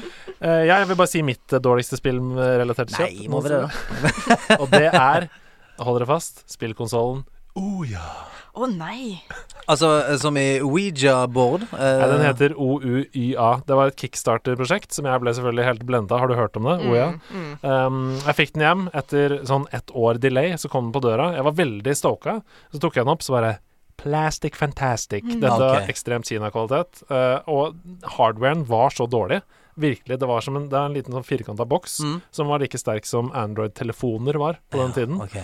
Uh, så det gjorde at spillene hakka, kjørte dårlig, dårlig loading til. Så jeg, jeg, jeg starta den opp to ganger, og så la jeg den i en skuff. Den ligger eh, nå eh, på loftet hjemme hos mamma og pappa. Selskapet Oya har gått konkurs. Eh, i- den er ikke verdt noen ting. Men kanskje om 50 år. Ja, det er akkurat Så det, er sant? kuriositet. -hmm. Kanskje du kan selge den på retrospillmessen om sånn 20 år. Å, da må vi sjekke om de som arrangerer, fortsatt gjør det da, om 50 Ja. år. Eller kanskje du får lov til å vise den på Retrospillmessen. Det er sånn, kanskje det beste du får til. Ha den i et, mon monter. Men det er faktisk det kuleste med den konsollen, at når du skrur den på, så er det sånn her Oh ja. Det er lyden. Å nei. Ja. Oh, ja, vil jo det, da? Altså, du vil gjerne det. eh, vil du Ja. Så lenge du bor i en egen leilighet og ikke foreldrene dine er ja. Oh, ja. Hei sann! Det Hei. sies at innen matveien så kjenner du ikke en person før du har sett rekkefølgen på tacolefsa dens. Mhm. det, er- men det er veldig sant, det. Av ren nysgjerrighet lurer jeg derfor på hvilken rekkefølge dere setter sammen tacolefsen. Ja. Kom gjerne med noen gode tips til fredagstacoen. Hilsen The Hawk. Det er godt det å kunne steppe ut av spillverden av og til og gå for litt sånne enkle ting. Eh, jeg, kan, jeg kan begynne, jeg, med den rette måten. Eh, wow. yes. Hansken er kastet. Hansken er kastet. Først lefse. Ikke noe bombe der. Ta den først. ligger nede på fatet. Rømme. Som et eh, så Ligger det som et lag. Lim. Limer utover hele. Så guacamole. Limlag nummer to. Så eh, er det kjøttdeig. Grønnsaker. Og så sprinkle the cheese on top. Sprinkle, sprinkle. Smekker den sammen. Nei, nei, nei, nei, Rett i nebbet. Ferdig! Det er, det er fakta helt feil. Er det? Begynn med lefse. Det Ja. har du rett Ja, i. men da er vi enige. Ja. Og så er, tar du salat. Nei. Så tar du kjøttdeig. Og, og så tar du ost. Og så tar du saus og guacamole oppi der. Og så tar du eh, hva du vil ha av grønnsaker. Verste jeg har hørt. Ananas, blant annet, hører hjemme på tacoen. Verste jeg har hørt! Og hvis, hvis du vil være litt fresh og litt frekk på en fredag bacon. Jeg er sjokkert. Frekk fredag! Jeg er helt sjokkert. Nei, det er jeg, satt ut. Her kommer fasiten. Er dere klare for Ja, fasiten? ok, ja, fasit. Lefse. Guacamole som limlag. Ja. Eh, ost. Nei, nei, nei, nei, unnskyld. Kjøtt, Ja. for det er varmt. Og så, så akkurat som deg, eh, ost, fordi da smelter osten ned i kjøttet. Mhm. Så liksom salater og grønnsaker og sånn. Og så rømme snæ på toppen, og saus. Tacoser. Nei, det, jeg har med psykopater å gjøre her. Eh, det er i hvert fall én ting som er klinkende klar. Nei, jeg spiser taco hver fredag. Eh, Gjør dere det? ja, nei. Nei. Nei, det, er, det er ingen unntak. Taco hver Ingen eneste fredag. okay. Jeg, jeg elsker det overalt på jord. Ja, Og tenk jeg, at, og tenk at du gjør det feil hver fredag. Ikke det er jævlig sånn kjipt å tenke på? men jeg spiser egentlig mest skjell og veldig lite lefse. Okay. Men, uh, Men da tar, er, du, da tar du skjellet opp ned, og så ligger det bare uh, ting jeg knuser oppå. skjellet, Ja. Og så putter jeg det under armen. Nei, uh, her er tips. Ja, Uh, masse deilige produkter som har kommet nå fra et merke som heter Broken Taco. Okay. Kjempemye gøy. Uh, blant annet en sånn hot sauce som er rimelig spicy. Caliente. Nydelig deilig i munnen din. Eh, og noen sånne røffe jalapeños i noe glass. Så det anbefaler jeg på det groveste. Okay, Gå på så- Meny, få deg noe broken taco. Ok, Så tipsene der er at det kom, har kommet salsa og, eh, og jalapeños på markedet. Ja. Jeg er såpass eh, hvit at loff er spicy nok for meg. Ja, ja. Altså, Ikke snakk om loff, du bør svette. Kjapp digresjon. En kamerat av meg uh, syns det er for spicy med agurk. Nei, da er jo han Hæ? Da må han til legen. Ja, da må han til rett til legen. Thomas, hvis du hører på, legen. Ja, ring han nå. Du er døende. Hva har du spilt siden sist? Spilletid. Ja, vi tar løpefart, gjør ikke vi det? Bare begynner rett i gang. Andreas Hedemann, hva har du spilt siden sist? Jeg har vært en del på reise, fordi det er rundt på opptaksdager og sånn, sånn som jeg har fortalt til deg. Mm. så jeg vil gjerne Snikskutt. få anbefale Mye på reise. Reiser rundt i verden. Ja, greit. Mm, ja. Så jeg vil gjerne anbefale en eh, helt nydelig plattformer til mobil. Ja. Eh, jeg vil ikke si mobilspill, Fordi jeg opplever ikke at det er det. Det er en plattformer til mobil som heter Oddmar. Som er en slags viking. Og for de som liker Rayman Origins og Legends, f.eks., så er Oddmar helt sinnssykt bra. Altså Det er det klart beste plattformspillet jeg har spilt på mobil. Eh, nydelig visuelt, kjempekreativt. Masse sånn, Akkurat som i Rayman, det kommer plutselig noen som jager etter deg, så må du løpe til musikken.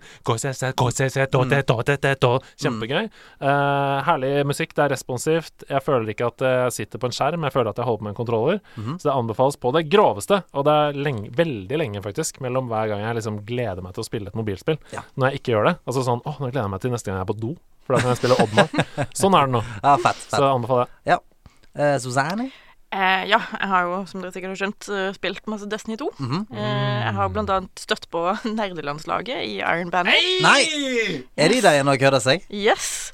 Eh, så vi møtte de til, til kamp, eh, og vant, så klart. Ah. Fordi Please of Shanks er det beste, den beste Hva klanen. kalte du de? Please Nerf Shanks. Please Nerf Shanks. Ja. Men nederlandslaget, nå må vi opp og nikke. Ikke, vi skal ikke ha flere sånne tap på samvittigheten. Men if you can't beat them, join them. Skal du bli med på nederlandslaget, kanskje? Da tror jeg resten av klanen min blir veldig Ok, skuffa. Okay. Jeg prøvde. Jeg prøvde, folkens. prøvde, ja. Jeg Da må jeg liksom eh, eh, forlate min samboer og min bror og litt sånne ting. Ikke gjør det. Så- Ikke. Join the dark force. Join us. Men jeg har også spilt um, et kjempesøtt og veldig koselig spill som heter Concrete Genie. Ja, det har jeg hørt om! som er nydelig. Og en sånn perfekt liten tonic nå i, i vintermørket, hvor alt du gjør, er å bare gå rundt i en sånn forlatt liten by og male den pen igjen, og så gi liv til sånne genies som løper rundt og følger etter deg og liksom hjelper deg med ting, da. Og de kan du tegne selv. Du designer de selv, Mm. fordi du finner forskjellige sånne designs rundt omkring i byen, og så kan du sette sammen disse Monster Inc.-geniene, da. Uh, og, og lage dine egne venner. Altså, jeg så Frida i Level Up ga det ni av ti. Ja, jeg, jeg har lastet det ned. Har ikke kommet meg rundt og å spille det ennå. Men eh, Min datter er jo altfor liten, men jeg hørte det er så eh, fantastisk eh, spill å spille hele familien. Mm. Nettopp pga. denne her eh, kreative friheten. At eh, eh, ungene sitter kanskje og sier sånn Nei, han skal ha fire horn, den uh, genien. Han skal være grønn og blå. Og så går du rundt og maler, og det er sånn kreativ, koselig, nydelig spill for hele familien. Mm, jeg vil absolutt anbefale det som fam- familiespill, men kanskje ikke for de aller minste. Fordi det tar en liten sånn mørk vending, mm. eh, hvor det faktisk blir bitte litt skummelt, og litt sånn eh, her møter vi Stranger Things upside down-type skummelt. Eh, men det ordner seg til slutt. Det er litt sånn som i Aladdin og Jafar plutselig blir klikker litt og blir Ja. Ja, sånn. Du liker ikke det? Og et helt perfekt eksempel på at spillmediet er noe helt unikt som kan gi deg opplevelser ingen andre medier kan. Yes. Eh, jeg har spilt Borderlands 3. Ah. Kommer tilbake på den vognen der. Jeg var jo, jeg var jo et mørkt, mørkt uh, hull. Jeg var jo Wow Classics, klamme grep. Eh, hva som var et kasino. Visste ikke, visste ikke hva tid klokken var. Eh, de pumpet oksygen inn i rommet mitt. Jeg ante ikke hvor jeg var. Du kom ut sånn som fra rommet, Susanne, med liksom håret til alle kanter og blodsprengte øyne. Ja. Hva har skjedd det siste døgnet? Ja ja, bare at det ikke var et døgn. Det var mer sånn Hva skjer den siste måneden? Hvor er jeg? Er Trump fremdeles president? Så der, det var der jeg var. Så, men nå er jeg kommet meg ut av det. Så nå er fargen tilbake inn i Skien. Og jeg har spilt litt Borderlands 3, jeg har spilt Oxenfree, som vi skal snakke om seinere. Uh, spilt litt uh, Super Smash Bros på uh, Switchen. Det er Altså, jeg, jeg blir alltid overrasket hver gang jeg tar opp Switchen min. For jeg har begynt å spille litt Switch på trikken til jobb og sånt òg. Hver gang jeg tar den opp, så er jeg sånn Faen, hvorfor spiller jeg ikke dette Det hele er sånn nydelig maskin. Det er Helt så forbanna digg. Så Hvem mener du? Hvem mener du i Ultimate? Uh, eh, Donkey Kong. Å, du er en Donkey Jeg, Donkey Kong. Men jeg, er sånn, jeg liker å være sånn slugger. Ja. Slugger. Ikke, ikke en finesse-type. Hvem er du i Mario Kart? Eh, da er jeg faktisk Don ja, Donkey Kong. Jeg er faen Donkey Kong der òg. Visste du det, eller? Nei. Nei? Personlighetsanalyse fullført. Ja. Jeg er en uh, stor fyr i baris og slips. Det er min indre mitt indre spirit animal. Mario eller Mordor. Mordor. Mordor. OK, greit. Ah, Susanne, du fniser og ser stressa ut om hverandre. Ja, Hva betyr det? jeg er så sykt dårlig på å gjenkjenne lyder og sånn. dette her se, Dette jeg tror jeg ikke noe på. Jeg har hatt flere i den stolen her som sier akkurat det samme, og eh, grust dritten ut av meg. For det, det er så mange som kommer i stolen og sier Ja, men jeg har jo ikke spilt noe. Jeg, jeg tror ikke på det. Det er en eh, psykisk eh, effekt ved å få meg til å slippe garden. Eh, du har skrevet 4000 tekster om spill. Ja, men det er jo tekster. Ja, Skal dere lese opp fra noen av vi tekstene vise, så ja, må ja, vi skal er? vise deg dette, dette blir god radio. Vi skal vise deg noen tekster. Så skal du tippe hvilken av anmeldelsene dine dette er. Ja. men, men det jeg okay. tenker da Det jeg tenker er at når du har 4000 tekster om spill på samvittigheten, så kan du gjerne resonnere godt ut fra hva du vet om ulike spill. Du trenger ikke ha spilt de eh, for å skjønne det, nesten. Men dere, Ja. jeg har miksa det litt opp denne gangen. Fordi, og det er så gøy, fordi jeg har gjort det fordi vi har besøk av en ultranerd. Og så sier- eh, begynner hun hele med å si 'jeg kan ikke så mye'. Mm. Eh, men denne uka så skal vi faktisk til Mordor. Skal vi det? Og vi skal ikke til Mordor-stedet, men vi skal til sted, og ikke person. Shit. For første gang i denne spalten så skal dere identifisere sted. Oi, oi, som vi oi, skal oi, til. oi, oi, Den er gøy. Um, er så det er, ikke, det er heller ikke et tema denne gangen som er felles, men det er masse bonuspoeng å hente per oppgave. Jeg liker det. Eh, så jeg ønsker meg at dere svarer hvilket spill der vi hører fra, Mm. men også fysisk sted Å, fy i det bestemte spillet. Oh god. Eh, så det er mulig å hente i totalt i dette spillet vi skal spille nå, så er det mulig å hente maksimalt åtte poeng. Og det blir gradvis vanskeligere. Å, nei. eh. Oh, shit. Nå, nå kommer jeg til å miste all nerdegred Så jeg har steppa opp the game, kan du si. Ok, Er dere klare? Ja. Husk Ja. å rope navnet deres når dere vet hva det er. Så stopper jeg opptaket og ber om et svar. Og hvis dere svarer feil da, så går altså svaret over til den andre. Ok. Lykke til. Takk.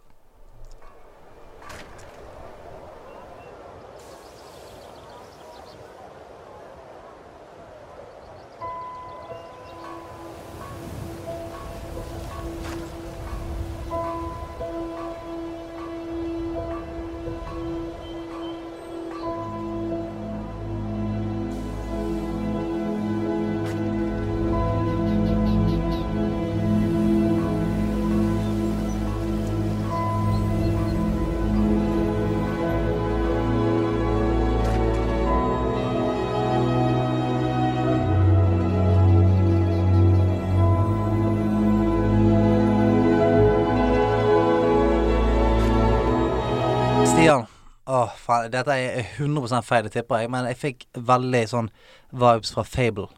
Å ja, det er godt, godt tips, men det er ikke riktig. Ah, okay. Vi er um, Ja, vil du tippe, Susanne? Det er lov å bare resonnere. Det er lov å si feil også. Nå har jo Stian Nå kan du bare tippe i vei. Hør på hva lydene er i bakgrunnen og sånn. Dere hører jo Ja eh, Drømmefall. Å, eh, godt tips det også. Det er ikke riktig. Ok, Kan vi høre, høre litt til? Vi hører starten en gang til. Ja, jeg må starten. Det er ikke så mye igjen av klipper, skjønner du. Okay. Eh, Men jeg kan, jeg kan gi deg litt mer av samme klipp.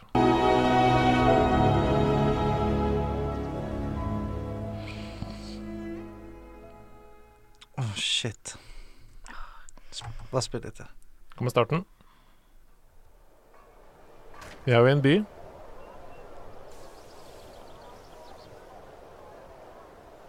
Det er noe smed som dere vil holde på i bakgrunnen. Mm. Oh, Smithy. Noen som tråkker av en hest.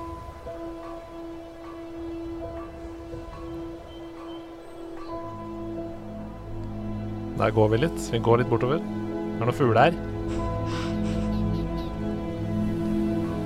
Dette er eh, et RPG. Et RPG.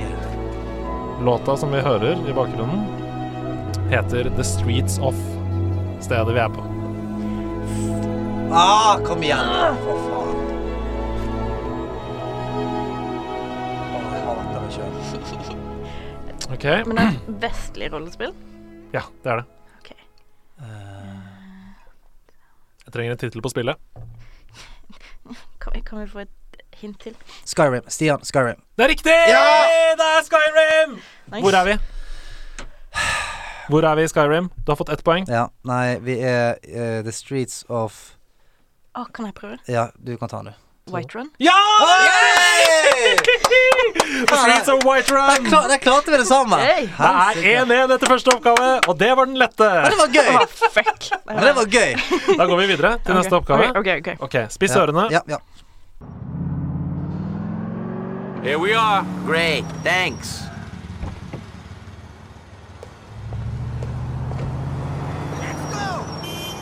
Stian, jeg tror jeg kan si spillet. Nei, faen, det var en tuting der som satte meg ut, altså. Ja, Hvilket spill er det? Jeg tippet det var, jeg tippet at det var Final Fantasy 15. Det er feil. Ja, ok, greit. Eh, GTA London. GTA er riktig, men det er ikke London. Oh, shit. Eh, San Andreas. Nei, det er feil. Det er feil også. Fuck.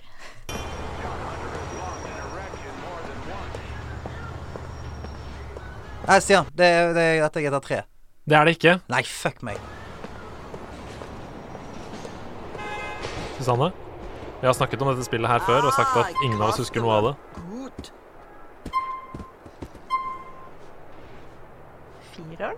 Ja, det er riktig! Det er GTA 4! Det er GTA 4, helt riktig. Og da spør jeg jo oppfølgingsspørsmål til dere. Hvor er vi? Little Russia.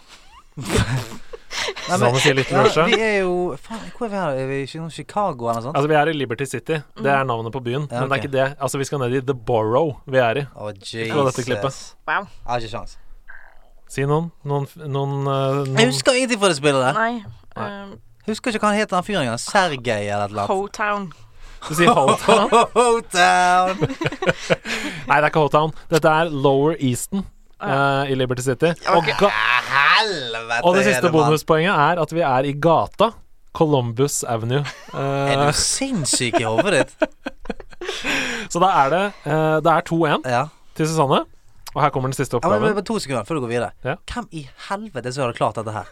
De som har spilt masse GTA 4 med mappet åpent. Jeg har aldri spilt det. Nei, men høre en bil som stopper Hva er det? Columbus Jeg hører Å, jeg skal se Å ja, det er Columbus Avenue. Ja, men jeg tenkte sånn Du må bare slenge ut noen titler som du kjenner fra spillet. Ja, jeg, jeg vet at det er et sted som heter Lower Easton, for eksempel. Ok. Ja, det er riktig!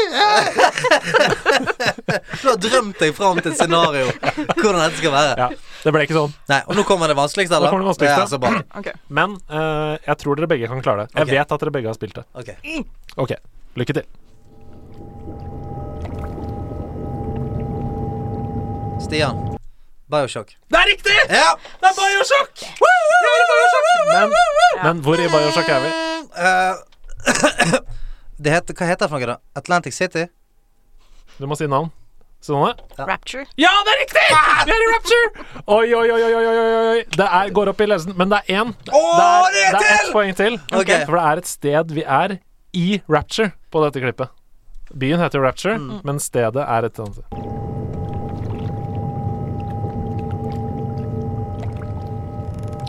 fortsatt inne i den dykkerklokka?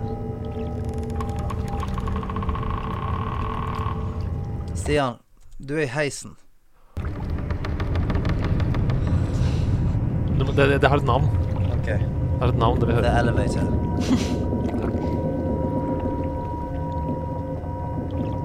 The ward. Nei, Mrs. Blumenthal's living room. det er ikke riktig. Nei, ok. The sunken place. Nei, vi er Bub altså i bubbly bathroom. The Bubbly Bathroom, det kjente location fra Bioshock 1. ja, ja. Nei, vi er i Neptunes Bounty, Ah. som er eh, Ja, ja, ja. ja. OK, hva ble stillinga nå, egentlig? 3-2 til Miss Berge. Dette var gøy! Ja, det var, det var sinnssykt gøy. Men helvete så vanskelig det var. Det betyr at eh, det er rom i denne quizen for å dra til Mordor, og ikke bare til Mario. Yes. Takk skal du ha.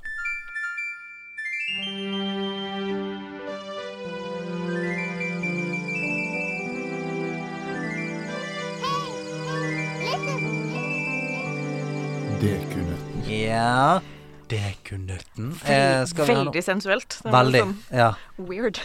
Bare legg deg ned her mens jeg henter Dekunøtten. ok. Greit. Eh, vi skal jo begynne eh, på lag. Vi var, hadde, vi, selv om vi var mot hverandre, så følte jeg at vi hadde god kjemi der i sted. Jeg tipper at denne nøtten her kommer til å knuse i tusen biter. Ja, vi får se, da. Henrik Fladseth, skapgameren som trodde han ikke hadde spilt noen ting, visste at han spilte alt i hele verden Ja. i løpet av episoden. Det første Zelda-spillet som noensinne ble gitt ut, ble gitt ut i 1986 til Nes. Det het selvfølgelig The Legend of Zelda. Men hva het oppfølgeren som kom i 1987? Aha. Ja, si det, da. Jeg har ikke spilt det eneste Zelda-spill. Ikke et eneste Zelda-spill? Ikke en. Ok. Det er et stort hull. Ja. Ja, Det er du milde måne. Jeg tenkte jeg kanskje skulle spille Link's Awakening nå, fordi det ser så fucking adorable ut. Ja, det ser søtt ut. Mm. Ok. Eh, hva kan dette her hete? Jeg tipper det heter et eller annet med sword. Tipper jeg. Eh, jeg leser på øynene dine, Hedemann, at det var det fakat meg ikke. Jeg Eh, sitter her som en sta- Nei, nei, det, øynene dine forsvant bak i hodet da jeg sa det. hva med Minish Cap? Oh, ja, det er et godt tips, men det var på Nintendo DS. Ah. Det er ganske mye se- senere. Men det er et godt tips. Mm. Tenk at du har du, Den tittelen har du inne, altså. Minish Eh, Ja, nei, Minish Cap, det var ikke på DS, det var på Gameboy Advance, men det, herregud, da. Hva med uh, Hva det heter Oracle of Seasons eller noe sånt? Mm. Nok et godt uh, håndholdt tips der, men det er ikke riktig, det, altså. Uh, kill all the bushes. Kill all the bushes. Ja. Zelda, Kill all the bushes, Ja. er det det du tror? Ja, det, det var en Hva spin-off der. med Chicken Chaser? Nei, det er veldig mye enklere enn det. Okay. Altså, oppfølgeren til Selda 1 Zelda 2. het Selda 2. Uh, Selda 2 The Adventure of Link. Det var det jeg, skulle til, jeg skulle til å si det. Nå må vi la oss få resonnere oss ferdig. Uh, det er jo en prosess, dette. Heter Zelda 2? Heter Zelda 2, uh, kolon, The Adventure of Link. Det er nok, Ok. eh, De fleste kjenner det nok som The Adventure of Link, Mm. for det det sto, men det sto også Selda 2 oppe i venstre Ja, og, så, så- og så kom Kill all the bushes, og deretter Chicken Chaser. Chicken Chaser, ja. Mm, mm. Eh, Chicken Chaser var sånn minigame som Mm. bare kom til eh, Til i sånn eh, Hva heter det? Sånn Oja. Jeg Ja, kom til, kun til Oja. Ja. kom bare til Oja. ja. Ja. Kom kun til Ouija-brett, faktisk. eh. Ja. OK, Susanne. Fyr løs. OK, ja. Jeg har mekka sammen en nøtt. Jeg må bare finne frem. Har du mekka Altså, har du bygd en nøtt? Ja, Mm, jeg må bare sammen? finne den frem. Jeg har den i sekken. Mm. Ja, se der, ja. Jeg ser det. Oi. Oi, det var hjemmesnekra, ja. Ja. Hun, Yes, hun yes, har yes. eh, jeg har vært eh, hjemme hos mange ekorn, eh, samlet resten av nøtter, limt de sammen. Eh, siden jeg er nerd på veldig mange måter, mm -hmm. uh, så blir dette et- nesten et litt sånn multimodalt spørsmål, da. Oh, jeg er spent, jeg er spent, jeg er spent. Yes. Yes. Uh, tegneserieforfatteren Rick Remender, som er kjent fra bl.a. Low, Tokyo Ghost og Black Science, har skrevet manus til to vidt forskjellige science fiction-spill. Hvilke er det? Sykeste jeg, jeg kjenner ikke til de, de første titlene engang. Science fiction-spill. OK, hva, hva sa den het? Rick Remender. Rick Remender. Uh, jeg tror vi må ha en uh, La oss bare, la oss bare hive ut til science fiction-spillet vi vet. Mass Effect, selvfølgelig. Halo. Halo, um, Destiny, Destiny. Mm, Starcraft kan vel uh, Ja. kalles et science fiction-spill, Ja, definitivt. på en måte. Mm. Ja, Det er jo også masse Matrix, liksom. Du kan, det er et science fiction-spill. Ja, ja actionspill, kanskje. Men Ja, det er science fiction. ja, eh, jeg kunne sikkert gjort det. Ja. Mm. Jeg kunne gjort det han gjorde. Ja. Ikke science fiction, ja. Eh, kan vi få tidsalder? Er det mulig å spørre om? Oi. Er det liksom 90-tallet her? Nei, nei, det er er 2000-tallet en plass. Ja, for det er moderne tid, ja. Mm. Ja. Så det er 360 PlayStation Mm. 3, liksom. Så kan, Ja. OK. Ja, vi er der, ja. Det høres for meg Det kan høres ut som eh, Mass Effect for meg. Ja, ok, men da har vi da, La oss si vi har det ene, da. Og da går vi for noe vidt forskjellig. Noe For vidt forskjellig, som noe også er science fiction. Som også var science fiction. For det var spørsmålet, sant? Mm. Han har skrevet to helt vidt forskjellige. Dead Space, kan det være? Ja, men det er ikke vidt forskjellig Ikke det? det? Mass Effect. Ja Horror, førsteperson, Ja, men det RPG skytes. Det skytes. Ja, ok, da. Jeg tenker sånn Men hvor, hvor, hvor, lite, hvor, hvor lite skyting får du plass til i et uh, science fiction-spill? da? Det må jo være noe fuckings laser.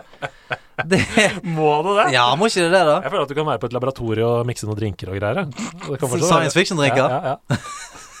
ja, det er ikke sånn du kan drikke da, med reagensrør. Ja, ja, ok, okay.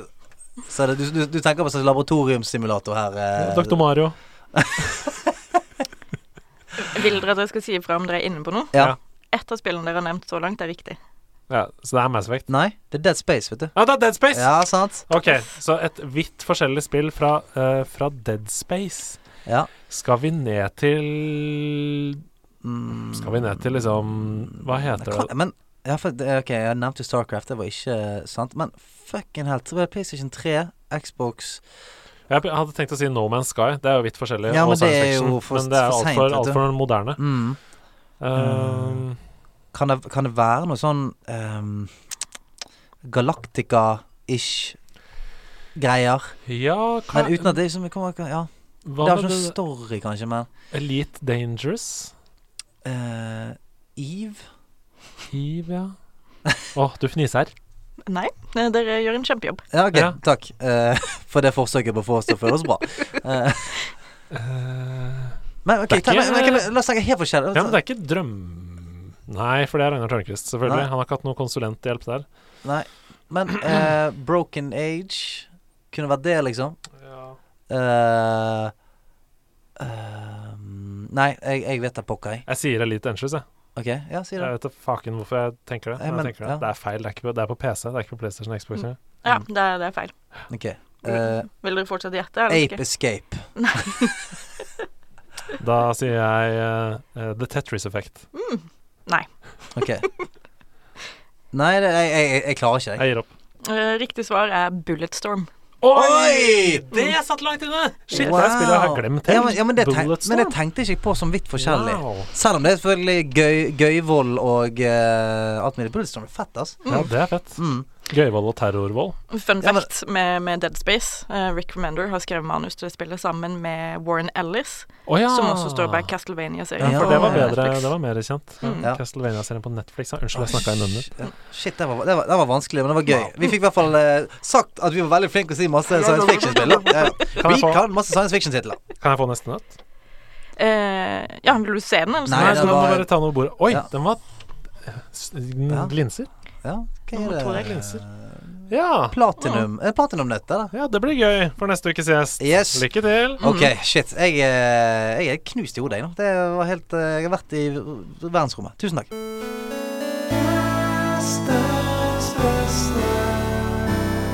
Boing! Da trenger vi rett og slett bare Vi er jo eh, Vi har jo en tørst som aldri blir døyvet, og det er tørsten etter gode tips til eh, ting i nerdiverset. Og som vi alltid sier, det kan være en spill, film, serie, bok, alt mulig. Men det kan òg være eh, knotter til kontroll, eller eh, deodorant for gamers. Det kan være, det kan være alt. Eh, så har du noen tips? Um, ja, altså jeg har for så vidt masse. Jeg må bare eh, velge hva jeg har lyst til å anbefale. Mm, tror jeg skal gå litt utradisjonelt. Gjør eh, og tipse om en bok fint. Kult. som jeg liker veldig, veldig godt. Eh, den heter The Bees. Altså biene. Ja, den Ja. er skrevet av ei som heter Leline Paul. Eh, og den handler Det er basically Game of Thrones møter Handmaid's Tale i en bikube. Vet du hva? Er, er, er, det, er det den som er skrevet fra en Working Drones uh, Yes. Jeg har lest den. Fantastisk bok. Flora 717. Mm. Eh, verdens beste karakter, egentlig. Den er fantastisk, den boken, faktisk. Mm. Og jeg fikk Wow. tilsendt uh, Jeg fikk tilsendt et signert eksemplar av boka fra forfatteren. Eh, fordi jeg posta en tatovering jeg har av Flora 77, Oi! og hun bare Er det, er det tusj? Bare nei, nei, det er It's on me forever. Yes. Og hun bare Herregud, kan jeg sende deg et signert eksemplar av boka mi? Nei, Yes, det you er så can. koselig! Mm. Åh, nei, jeg fikk litt frysninger, for jeg leste den husker jeg, eh, på en strand et eller annet sted en gang. Og jeg- altså, er du enig med at på et eller annet tidspunkt så føler du deg som en fuckings bier. Mm. Ja, ja, det er Hun har gjort gjort en sånn helt eksepsjonell jobb med å gjøre research på bier og putte det inn i boka uten at du blir bombardert av liksom infodumps. Mm. Liksom side opp og side ned med beskrivelse. Hun bare bruker det i selve historien og i teksten, og det er Det er så bra. Ja, han er helt rå. Apropos snikskryt. Jeg bare leste han på en strand. eh. Jeg var vel Maldivene eller noe sånt, jeg husker ikke. Men eh, leste en bok der, da. Tusen takk. Mer? Eh, jeg kan ta en tegneserie også, kanskje. Ja, ja, ja. ja. Eh, sånn, I bunn og grunn så synes jeg man burde lese alt av Rick Remender, fordi alt han skriver er fantastisk. Eh, spesielt, spesielt Low, som kanskje Som han skriver sammen med Greg Tocini, som kanskje er en av de beste tegneserietegnerne. Eh, men jeg vil anbefale Monstress, som er skrevet av to damer. Eh, hun ene heter Marjorie Wu, tror jeg. Eh, og hun har tidligere skrevet X-Men, blant annet X23. Mhm. Eh, og så er det ei Jeg husker ikke navnet på henne, men hun tegner. Eh, og hun drar på en måte en litt sånn japansk mangastil inn i den vestlige verden. Og lager noen helt fantastisk nydelig detaljerte tegninger. Eh, I tillegg til at alle karakterene er litt sånn halvt menneske, halvt dyr-hybrider. Så du har sånne derre kjempesøte små unger med store revører og buskete revhaler, og du har liksom kattepersoner og ulvemenn og sånne ting. Eh, så den er veldig, den er veldig pen. Eh, veldig mye søte karakterer. Men det er kanskje en av de mest brutale tegneseriene jeg har lest på lenge. Den okay. er den er forferdelig. Mm. Den handler mye om, om slaveri og folkemord og, og hvem som har rett til å ha magi og, og sånne ting, da. Eh, og hovedkarakteren er på en måte besatt av en, en gammel gud som er kjempeblodtørstig, eh, og som dreper folk og spiser dem når hun ikke, når hun ikke følger med, da. Den høres helt Oi. rå ut. Wow. Ja, den høres helt rå ut. Kan jeg få lov til å slenge inn et uh, tips på tampen? Ja. Fordi uh, jeg kom på sånn i forhold til den The Bechdel-test, Bechdel-testen som vi snakket om tidligere i dag. Um, jeg er utrolig glad i en musikal som heter Wicked. Ja, ja, ja. ja. Og den har jeg sett uh, Jeg tror jeg har sett den fem ganger. Jeg så den sist jeg var i London, Shit. Jeg har sett den tre ganger i London og to ganger i New York. Eh, og jeg, jeg griner meg tom. For jeg, og jeg elsker musikken. Jeg elsker alt med den musikalen. Mm. Og der er jo eh, en av få Hollywood-produksjoner hvor det faktisk er to kvinnelige hovedroller. Mm. Og den er helt magisk. Helt fantastisk. Jeg har ikke sett den, men det er den her som er, er på en måte en eh, spin-off fra Wizard of Oz, der du følger heksen. Det er Ja. historien før The Ja. Wizard of Oz. Siste frame i eh, Wicked er første frame i The Wizard of Oz. Ah, ok, kult. Så den anbefaler jeg på det groveste hvis du er et sted som viser Wicked. Eh, se den. Se den. Da kan jeg oppsummere kjapt. Har du flere tips? Eh, kan jeg ta to spill? Ja, selvfølgelig kan du det. Eh, sånn i ånd av Concrete Genie, og f spill som er fine å spille om høsten, og som gir deg gode følelser innvendig. Eh, spill Gris, Mm. Ja, det er så vakkert. Mm. Herregud, jeg elsker det. som er ett av to spill jeg har gitt ti av ti noensinne. Det er Gris, og så er det Please Knock On My Door, som er et svensk indiespill lagd av uh, Mikael Leval, som er basert på hans egne opplevelser med, uh, med sosial angst og depresjon, da. Aha. Som veldig sånn uh, Går veldig i dybden på hvordan det er å leve med det. Ikke sånn kjempe feel good, med mindre du får den riktige slutten. okay, yeah. men det er et veldig viktig og veldig bra spill, eh, som jeg føler alle burde spille, bare for å få et innblikk i hvordan det er å, å leve med det her. Vi har jo snakket litt om Hellblade, uh, Send Yes. Sacrifice, Mm. her oh, ja. Ja. Um, er det litt sånn at du føler virkelig på hvordan det er å ha det på den måten? Ja, men det er, det er ikke like liksom immersive, fordi det er sett ovenfra og ned, og du spiller en liten sånn blokkfigur, og det er liksom eh, Men Hellblade, jeg greide å spille det i ti minutter, og så måtte jeg bare Ja. ta en pause og komme tilbake til det når jeg var i litt mer sånn passende humør. Fordi det er dystert! Å, fy faen. Veldig bra lyddesign. Men ah, nei. Nei, det, det, det, det å spille med headset, det er jo det er helt intenst. Ja. Men nå skal jeg prøve å oppsummere. Eh, På bok, eh, bokfronten så har vi The Bees. Mm. Fantastisk bok. Tegneserie. Low. Monstress. Og eh, når vi kommer til, fe, eh, til spill, og du trenger litt, noe litt annet, og eh, fint og dystert, Gris og Please Knock On My Door. Tusen takk.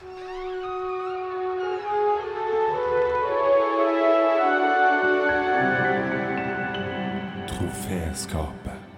Troféskapet. Det eneste skapet der du finner trofeer med større valør enn platinum trophies. Altså Oh. trophies rett fra hjertet.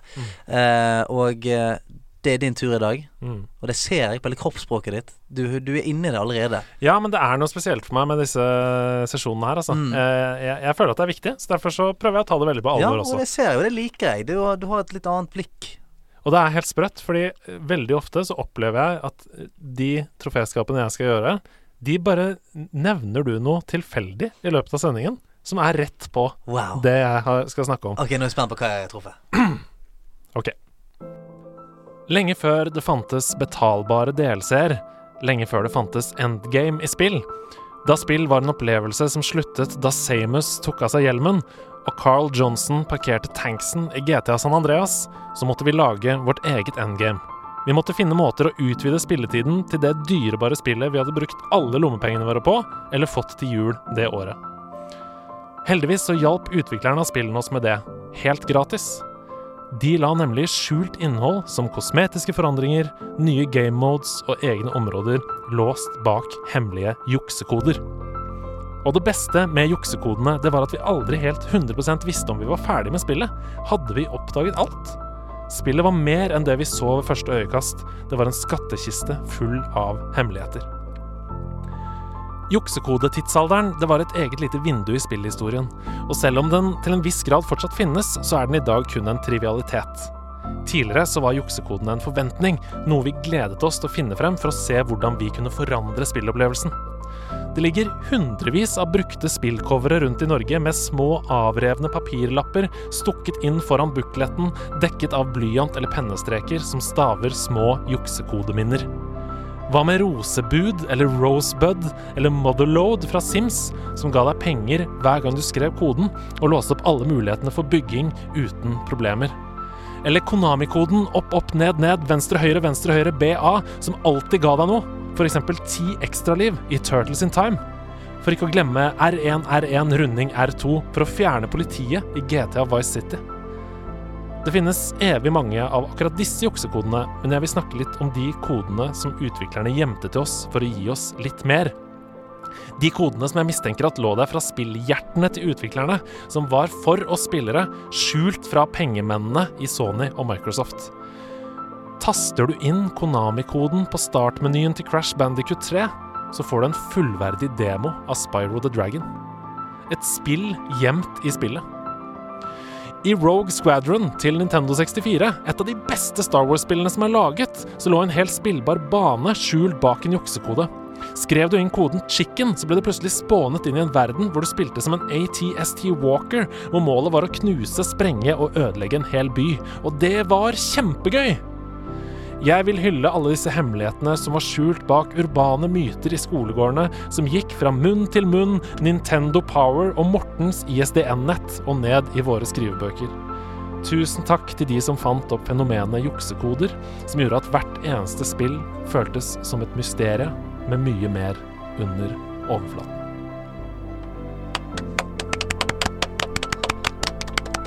Tenk at jeg nevnte Cheat Planet, da. Du nevnte Cheat Planet! Jeg har aldri Er nevnt ikke det det. sjukt? Aldri sagt med et ord! Nei, så i, de, I de 60 timene vi har sittet her, aldri nevnt det. Nå Men må det si, uh, for dette er ikke bare mitt verk. Uh, her kommer en melding som er sendt inn til oss. ja, Er det Tom Hugo som har vært uh... Jeg syns dere burde dedikere en plass i troféskapet til gode gamle cheat codes. Jeg finner fortsatt nedskrevne ark med juksekoder når jeg åpner de gamle GameCube-coverne mine, og jeg blir nostalgisk av det hele. Hilsen Flovi. Flovi? Takk.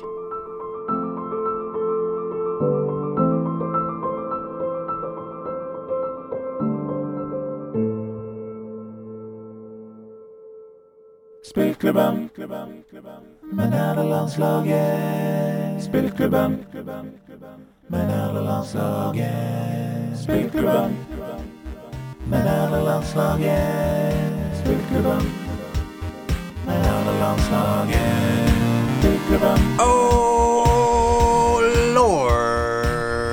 Er så mye kvinner på det dansegulvet her. Det er helt vilt. Det er kvinner overalt. Det er helt nydelig. Alle har på seg masse klær. Ingen er seksuelt fremstilt. Og det er varmt der inne, men alle går med bobledress. Ja, ja, ja, ja, ja. Og sånn er det greit. Alle Eh, smiler. alle smiler, og eh, glassene er fylt til rand med godsaker. Hva vi har rundt bordet her, da? Susanne, hva er det du drikker på i dag? Pepsi. You crazy dog. Hva er det du drikker på, Stian? Jeg drikker en White Russian med melken fra en damaskusokse. Ho, ho, ho. Ja, ja, ja. Selv har jeg en lakrislikør. Æsj a meg. Nei, det er deilig! Lakrislikør. Rett fra Panda PP. Ja vel, ja, din 80 år gamle luring. yes, eh, Oxenfree har fått kjørt seg eh, denne uken her. Og eh, for lytternes del, hva er Oxenfree? Du, Oxenfree uh, er et pek-og-klikk thriller slash sci-fi-eventyr med noen utvidede sjangermekanikker. Men er det pek og klikk, da? Med noen utvidede sjangermekanikker. Ja, okay, ok. Man spiller fra et 2,5D-perspektiv med tredimensjonale karakterer som navigerer i todimensjonale miljøer. Mm. Um, man spiller som Alex, en tenåring som besøker en øy med en gruppe venner, og så skjer det noe som setter alle i livsfare, og spillet går altså ut på å redde den berømte dagen. Mm. Jeg eh, har kost meg veldig med det. Det kan Ja, jeg si med så en gang. gøy, ja. Jeg, eh, jeg syns det var en fornøyelig spilleopplevelse. Eh, dette har jo Nå har jeg sett det blitt mast om flere ganger, så har jeg bare aldri fått finger Det er jo det som er så fint med spillklubben. Altså, jeg får testet så mange kule spill som jeg eh, sikkert aldri hadde giddet å teste hvis jeg ikke hadde eh, fått det som en utfordring. Mm. Og det er jeg veldig, veldig glad for. Det vil jeg bare si først og fremst. Um, Du er jo en av få gjester faktisk som faktisk har spilt Ukens spill. Ja. Åssen syns du det er, eh, Susanne? Eh, å være den eneste gjesten som har spilt. Åssen syns du Oxenfree er? det føles kjempeflott. Jeg tenkte mer på åssen du syns Oxenfree er. Eh, altså, jeg digga Oxenfree. mm. Eh, jeg hadde fått det anbefalt av um, en venn, tror jeg. Eller et par venner som var sånn her 'Har du spilt Oxenfree? Herregud, du må spille det.' Eh, de ville ikke si noe om det fordi de ikke ville spoile det. Det er bare sett deg ned og spill det. Eh, så jeg spilte gjennom det i løpet av en, en kveld, liksom. Eh, og blei veldig, veldig For det første sjarmert av karakterene, Mm. eh, men også sånn Den har en, en veldig spesiell stemning som blir sittende i deg veldig lenge etterpå. Yes. Har du spilt det flere ganger igjennom? Nei, Nei, jeg har bare jeg heller, jeg har bare- har Mm. orka å spille det den ene gangen, fordi valgene jeg tok, var litt sånn derre Jeg vet ikke. Eh, jeg likte den slutten jeg fikk, på en Mm, måte, mm, men samtidig, når rulleteksten kom, og jeg skjønte at Oi, her var det mye jeg hadde gått glipp av. Så Ja, når når du sånn ser hvilke valg du har tatt, og Mm. bare sånn 'Å ja, faen. Her, ok, du kunne gjøre det, ja'. mm, Så jeg har jo lyst til å spille det igjen. Jeg må bare komme meg på en, på en plass hvor det føles riktig å gjøre det igjen, fordi nå husker jeg det liksom litt for godt. Mm. Jeg er veldig sånn på storyspill, med, altså valgbaserte storyspill, så jeg, jeg vegrer meg alltid for å begynne på nytt igjen. For når jeg har gått gjennom det, så tenker jeg sånn Ja, men det var jo dette her Det var jo sånn jeg valgte å gjøre dette her. Mm. Sånn at Jeg syns alltid det er rart å spille på nytt igjen, og så gjøre valg Bare som for er å ta måte noe annet. Liksom. ja, bare sånn gå, gå liksom imot mine egne instinkter, og så bare, bare få teste det. Det gir ikke meg så mye annet enn det bare sånn Å ja, ok, da klikker det for han. Eh, sånne ting.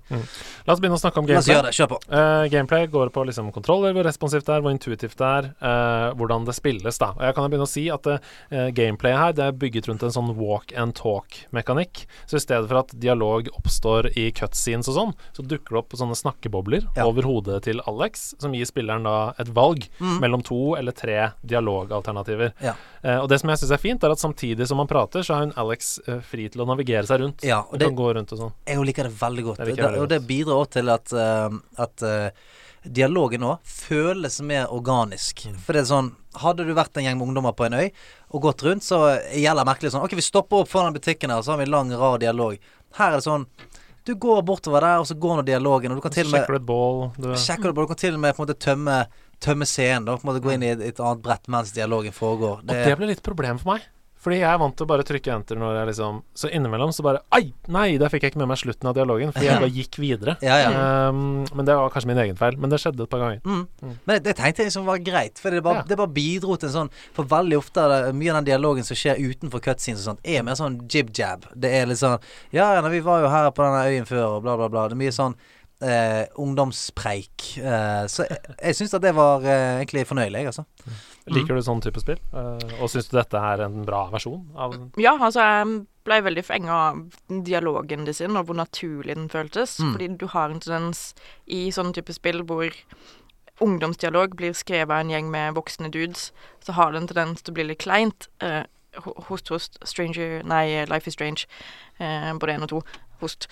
Eh, men Nå kommer vi til å gå front mot front her etterpå. Eh, Eh, men Oxenfree fikk det til på en veldig naturlig og kul måte, og jeg følte at de var liksom ekte, ekte personer, da, ikke bare karikerte tegne, tenåringer. mm.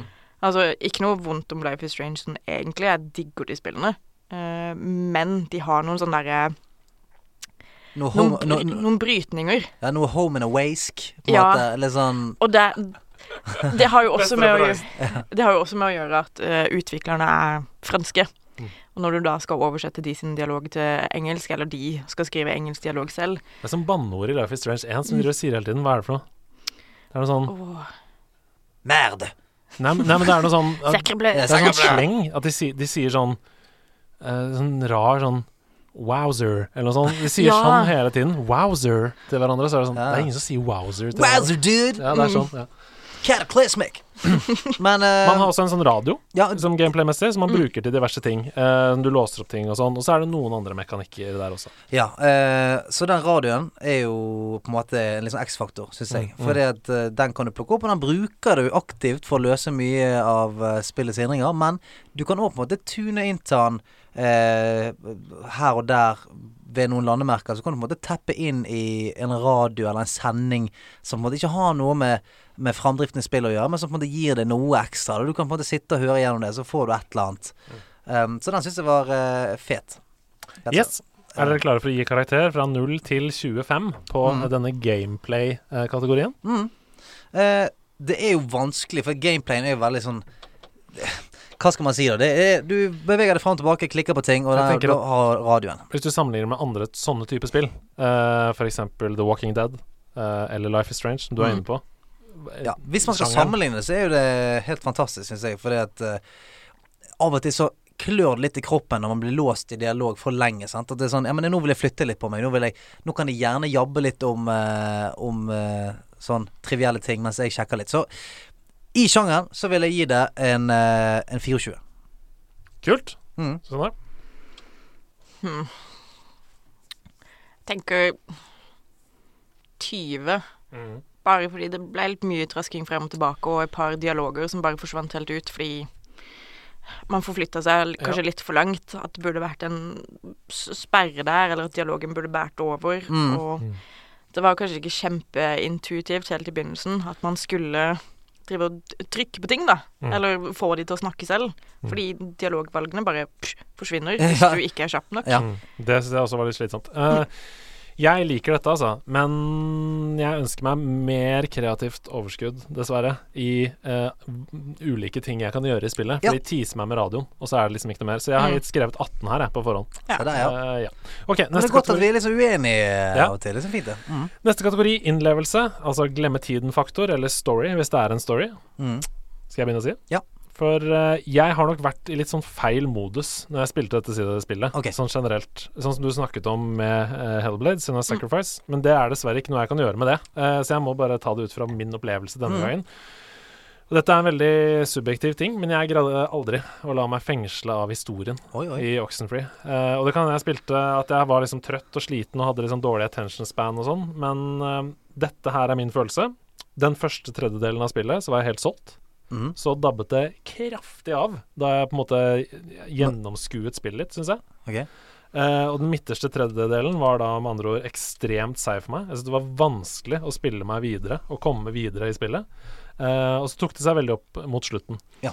Eh, så jeg ble ikke så veldig dratt inn i det, og jeg syns historien dessverre er ganske klisjébasert for meg, da. Um, og jeg syns det er mekanikkene og måten man eh, hopper mellom ulike verdener og dras inn og ut av en slags eh, eh, upside down, mm. som gjør spillet spesielt for meg. Jeg syns ikke storyen, det medmenneskelige mellom de, er bra nok. Eh, Susanne? Ja, nå er det jo en stund siden jeg har spilt det, men jeg mener å huske at jeg syns eh, historien var veldig spennende. Og i hvert fall det at jeg kunne bruke liksom, tid på å nøste den opp og, og sette sammen biter. Og liksom finne et brev her, høre en radiosending der. Eh, og jeg som sagt spilte jo gjennom det på en kveld, så jeg glemte jo litt tid og sted eh, i det hele tatt, liksom. Eh, eh, og når ting begynte å bli overnaturlig, så syns jeg fortsatt det var veldig kult. Eh, men ikke superoriginalt. Eh, men kombinert med liksom karakterene og musikken, eh, og hvordan de fremstilte det overnaturlige, eh, så likte jeg det veldig godt. Mm. Jeg eh, er med Susanne på den her, for jeg satt og spilte gjennom hele i én sitting. Mm. Og eh, jeg ble veldig fengslet av eh, mysteriet. Jeg likte på en måte relasjonene de bygde. Jeg likte at man ble hevet fram og tilbake i en slags sånn fortid og framtid og upside down, og at de kødder litt med det. Eh, du får noen clues Altså, det, det er som en god skrekkfilm. Altså, jeg så på det, tenkte jeg dette er en god skrekkfilm. Mm. De holder meg ganske lenge på pinebenken. Hva er det som skjer? Hva er det som skjer? Og når det først er action, når, det på en måte, når monsteret reveales sånn i skrekkfilmen, så er det bare full trøkk helt til det er slutt, på en måte. Og, og så på slutten så er det litt den der Har de kommet seg vekk, på en måte? Har det ordnet seg, eller Uh, Så jeg uh, ble, Jeg glemte tiden veldig. Jeg satt og spilte det helt til det var dønn ferdig. Mm. Så Kult. Da er det full pott, da, nesten. ja, jeg gir det 24. 24. Mm. Ja, tre, 23 kanskje. Jeg er ikke sånn kjempefan av å gi full pott til noe som helst, men eh, den hadde litt sånn samme oppbygning som Hereditary. Den har ikke jeg uh, spilt. Nei, det, det er en film. Ja, ja, ja, ja, ja den, ja. Ja. Mm. Med han med den kløyvete leppen og sånt, sa jeg ikke? Han har sånn hareskår. Ja, ikke det? Jeg går hjem. Eh, Nei, det er hun jenta. Ja, eh, hun ser veldig merkelig ut. Ja. Eh, men det er en liksom, skrekkfilm som bare bygger seg opp så langsomt. Og når Mm. den først liksom tar av, så er den bare dritcreepy. Den er ikke superoriginal, men måten det er gjort på Topp. Eh, topp score. Men ja, eh, 23 av 25. Jeg hadde hatt en 65 timers arbeidsuke og sovna halvveis i spillet, faktisk, foran PC-en. Ja, Eh, og måtte spille det over tre sittings. Så for meg er det litt over midt på. Eh, 15. Bu. Bu. Eh, Du Så tar vi- feil. Så skal vi til Du har feil mening. Så skal vi til Som så mange journalister har hørt. ja, ja. Eh, Så skal vi til lyd og bilde, musikk, grafikk, teknikk. Og jeg kan bare begynne med å skryte dritmye. Fordi her syns jeg det ser fantastisk ut. Jeg syns det høres fantastisk ut. Og jeg syns det fungerer helt strålende. Det er masse tekniske, nye, kule varianter. Jeg digger alt i den kategorien. Jeg har ingenting å trekke for. 25. Ja, jeg er, jeg er jo en lydaficionado når det kommer til spill. Jeg, eh, det er mye av det som gjør at jeg blir sugd inn i det. Og jeg satt på med headsetet på ganske god trøkk hele tiden. Og det lydbildet som er der, syns jeg er helt fantastisk. Og igjen, da, jeg vil sammenligne med en god skrekkfilm. Det ligger så mye eh, lyd i stillheten nå. Altså litt knitring, en, en ulyd. Noe som gjør at du hele tiden har en liten sånn kiling i nakken. Og eh, når det først smeller, så smeller det veldig. Eh, tunge dronelyder. Og, eh, og hele lydbildet, musikken for, hver, for hvert sted du kommer i, forandrer seg litt, grann, setter stemningen. Jeg er helt enig. 25 for meg. Kult! Ja. Ja, altså, jeg syns alt ved det var veldig bra. Eh, men det er liksom, hvis jeg skal sammenligne det med andre lignende spill, så er ikke nødvendigvis Oxenfree det ville jeg gitt det ville gitt høyest score, på en Mm. måte. Mm. Jeg syns kanskje det amerikaner-lydbildet i, i Stranger Nei, Stranger Things, sier jeg. Life is Strange. Mm. er bedre.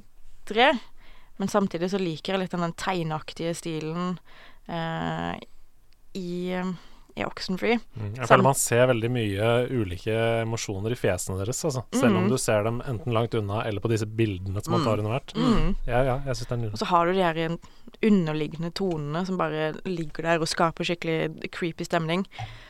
Um, jeg sier eh, 23, da. 23, ja. Ja, ja, ja. Da skal vi på siste kategori, gøy. Og det sier seg selv. Hvor gøy er det? Hvor gøy er det, Ja. Susanne? Veldig gøy. Det er veldig gøy. Det, er- det er veldig gøy. Så, så, igjen, da. Det det er veldig sjelden jeg sitter uh, gjennom et, et sånt uh, Kall det minispill. I én sitting. Mm. Det er Det koster meg ofte litt. Fordi at uh, Ja, du, du spiller et par timer, så ja, OK, nå kan jeg legge litt fra meg. Men her uh, hadde jeg det gøy hele tiden, altså. Jeg Men sånn det var ikke sånn at jeg satt og sånn Woohoo! Yay! Kjør på! Sånn som jeg gjør med Borderlands. Da Da er det sånn Jeg ler og koser meg. og sånn. Men på gøy jeg vil gi det en, eh, en, en 22.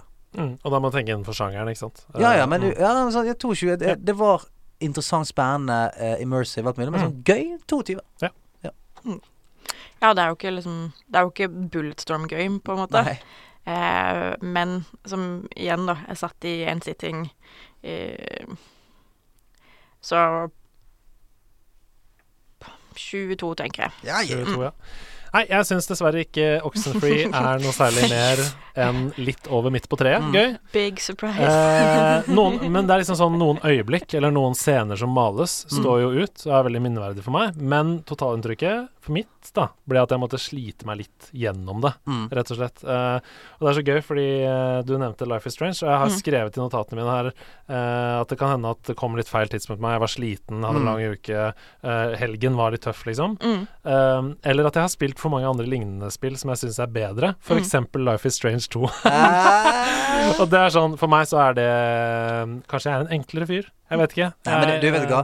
Det, det koker veldig ned til uh, sinnsstemning, Ja, tror jeg. jeg tror det, altså. Jeg var veldig sånn åpen og nysgjerrig og gledet meg til å åpne det.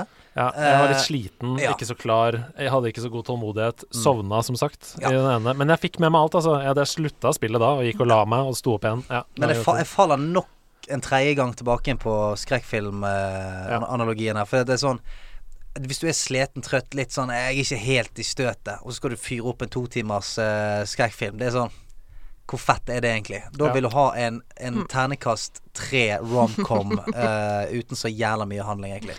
Jeg tror kanskje jeg vil revidere gøy-scoren min litt, eh, lite grann. Fordi når, jo mer jeg tenker på det, jo mer dukker det opp sånne lange strekk med gåing frem og tilbake som gjorde meg egentlig veldig irritert. Ser du hva du gjør med gjestene, Ja. Andreas? Du trekker scoren til gjestene ned. Ja, men det er masse gåing! Ja, Det er masse sånn Å ja, jeg må ned til det hjørnet på mappet, ja. Ja, så jeg vil ja, si ja, ja, ja. 19 Åh, revidert score. Ja. 19. Det tar jo to minutter å gå.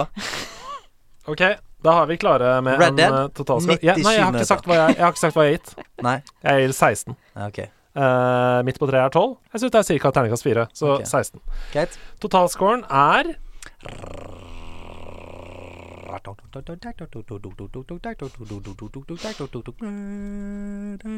Ja. 84,6! Det er Ja, ja. fint som faen, det. 84,6, og det eh, gjør at det går rett inn på en 1, 2, 3, 4, 5 Sjetteplass på vår Ja liste vel, over ja. spill. 80, hva hva sa jeg? 84,6, ja. Ja. Som du merker, Susanne, vi er veldig sånn raus Vi er veldig raus med poenggivningen. Sånn, Mm. åt, når 8,5 kommer på sånn sjetteplass av eh, Men 12, så er det Det må også sies da at det er jo fordi folk anbefaler oss spill som er, Det er det. kjempebra. Ja. Det er jo Hva, ikke hva ligger på førsteplass? Borderlands 3. Ja. Med 97,6. Oi. Det er helt nesten 100 av 100, altså. Borderlands 3. Men det er for det er for at både Andreas og meg er sånn Borderlands frelste. Elsker Borderlands. Og dette her var jo bare preaching to the choir. Ja. Uh, Andreplass, vil, du vite eh, vil du vite hva det er? Mm. Vil du tippe? Nei, det er ikke det du tror det. Det er det Red Dead Redemption 2. Nei. Det er Albus Odyssey. På andreplass er Slay the Spire, dette kortspillet. Oh, ja, okay. Ah, ja. Og på tredjeplass er Altos Odyssey, dette Ja, ja. mobilspillet. Ah, Jeg husker ikke ja. hva det heter engang. Mm. Kjempebra, ikke sant? Jeg, jeg har det på mobilen, jeg har ikke spilt det ennå. Så, så bra er det. Det, er- det er akkurat så bra det. Ja.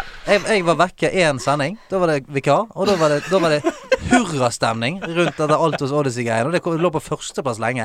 Kommer tilbake igjen, så er hele sjappen revet ned. Ok. Ja. Du, Ja, du, har altså, fått- du skal jeg, må på få spilt, jeg må få spilt med Borderlands. Jeg er jo mega Borderlands-fan. Jeg Mm. har liksom Borderlands-tatovering, og når min samboer fridde til meg, så kom ringen i en custom made sånn eh, rød våpenboks med liksom stats på ringen og hele bakka. Ja. Herlighet! Kan jeg få gifte deg med den du er gift med? Eh, vi er ikke gift ennå, så du har fortsatt litt tid på det. Kanskje jeg kan få en ring med større stats? Mer stats? Ja, det er jo helt Wow, det er det sinnssykt. fineste frieriet. Okay. Ja. Men dere, vi må runde av. Vi har sittet her lenge. Ja. Uh, vi har fått mange meldinger av folk som ønsker at vi skal teste D2 uh, Shadowkeep. Altså Ja. Destiny 2 Shadowkeep. Gjør det. Gjør Um, og det skal vi gjøre. Vi Ja. har bestemt oss for at vi skal gjøre det. Ja, for vi, Eh, vi hadde et par eh, spill opp til vurdering før denne sendingen her, men eh, når eh, du begynte å snakke om eh, Destiny, du også, så tenkte jeg eh, vi må, Ja. vi må gjøre det, altså. så, og vi skal til og med gjøre det over to hele uker. Ja. Um, for å få muligheten til å bli raid-klare og sånn, Yes. og teste raidet. Fordi de, alle vet at en Destiny-opplevelse er ikke anmelderverdig uten at man har fått spilt raidet. Mm. Uh, Så en, hvis en sånn tre-fire-fem timers sitting, da har du liksom Du har drept et par sånne her uh, vex, og så har du Ja. Ja. Så neste uke så kjører vi en slags korktavle spesial, og så er vi tilbake med Spillklubben om to uker, da. Mm. Men Susanne, Mm. Tusen takk for at du kom. Ja. Det var veldig hyggelig å bli invitert. Ja, det var skikkelig skikkelig gøy. Altså. En gave. Tusen hjertelig. det var så gøy! God tur hjem. Jo, takk.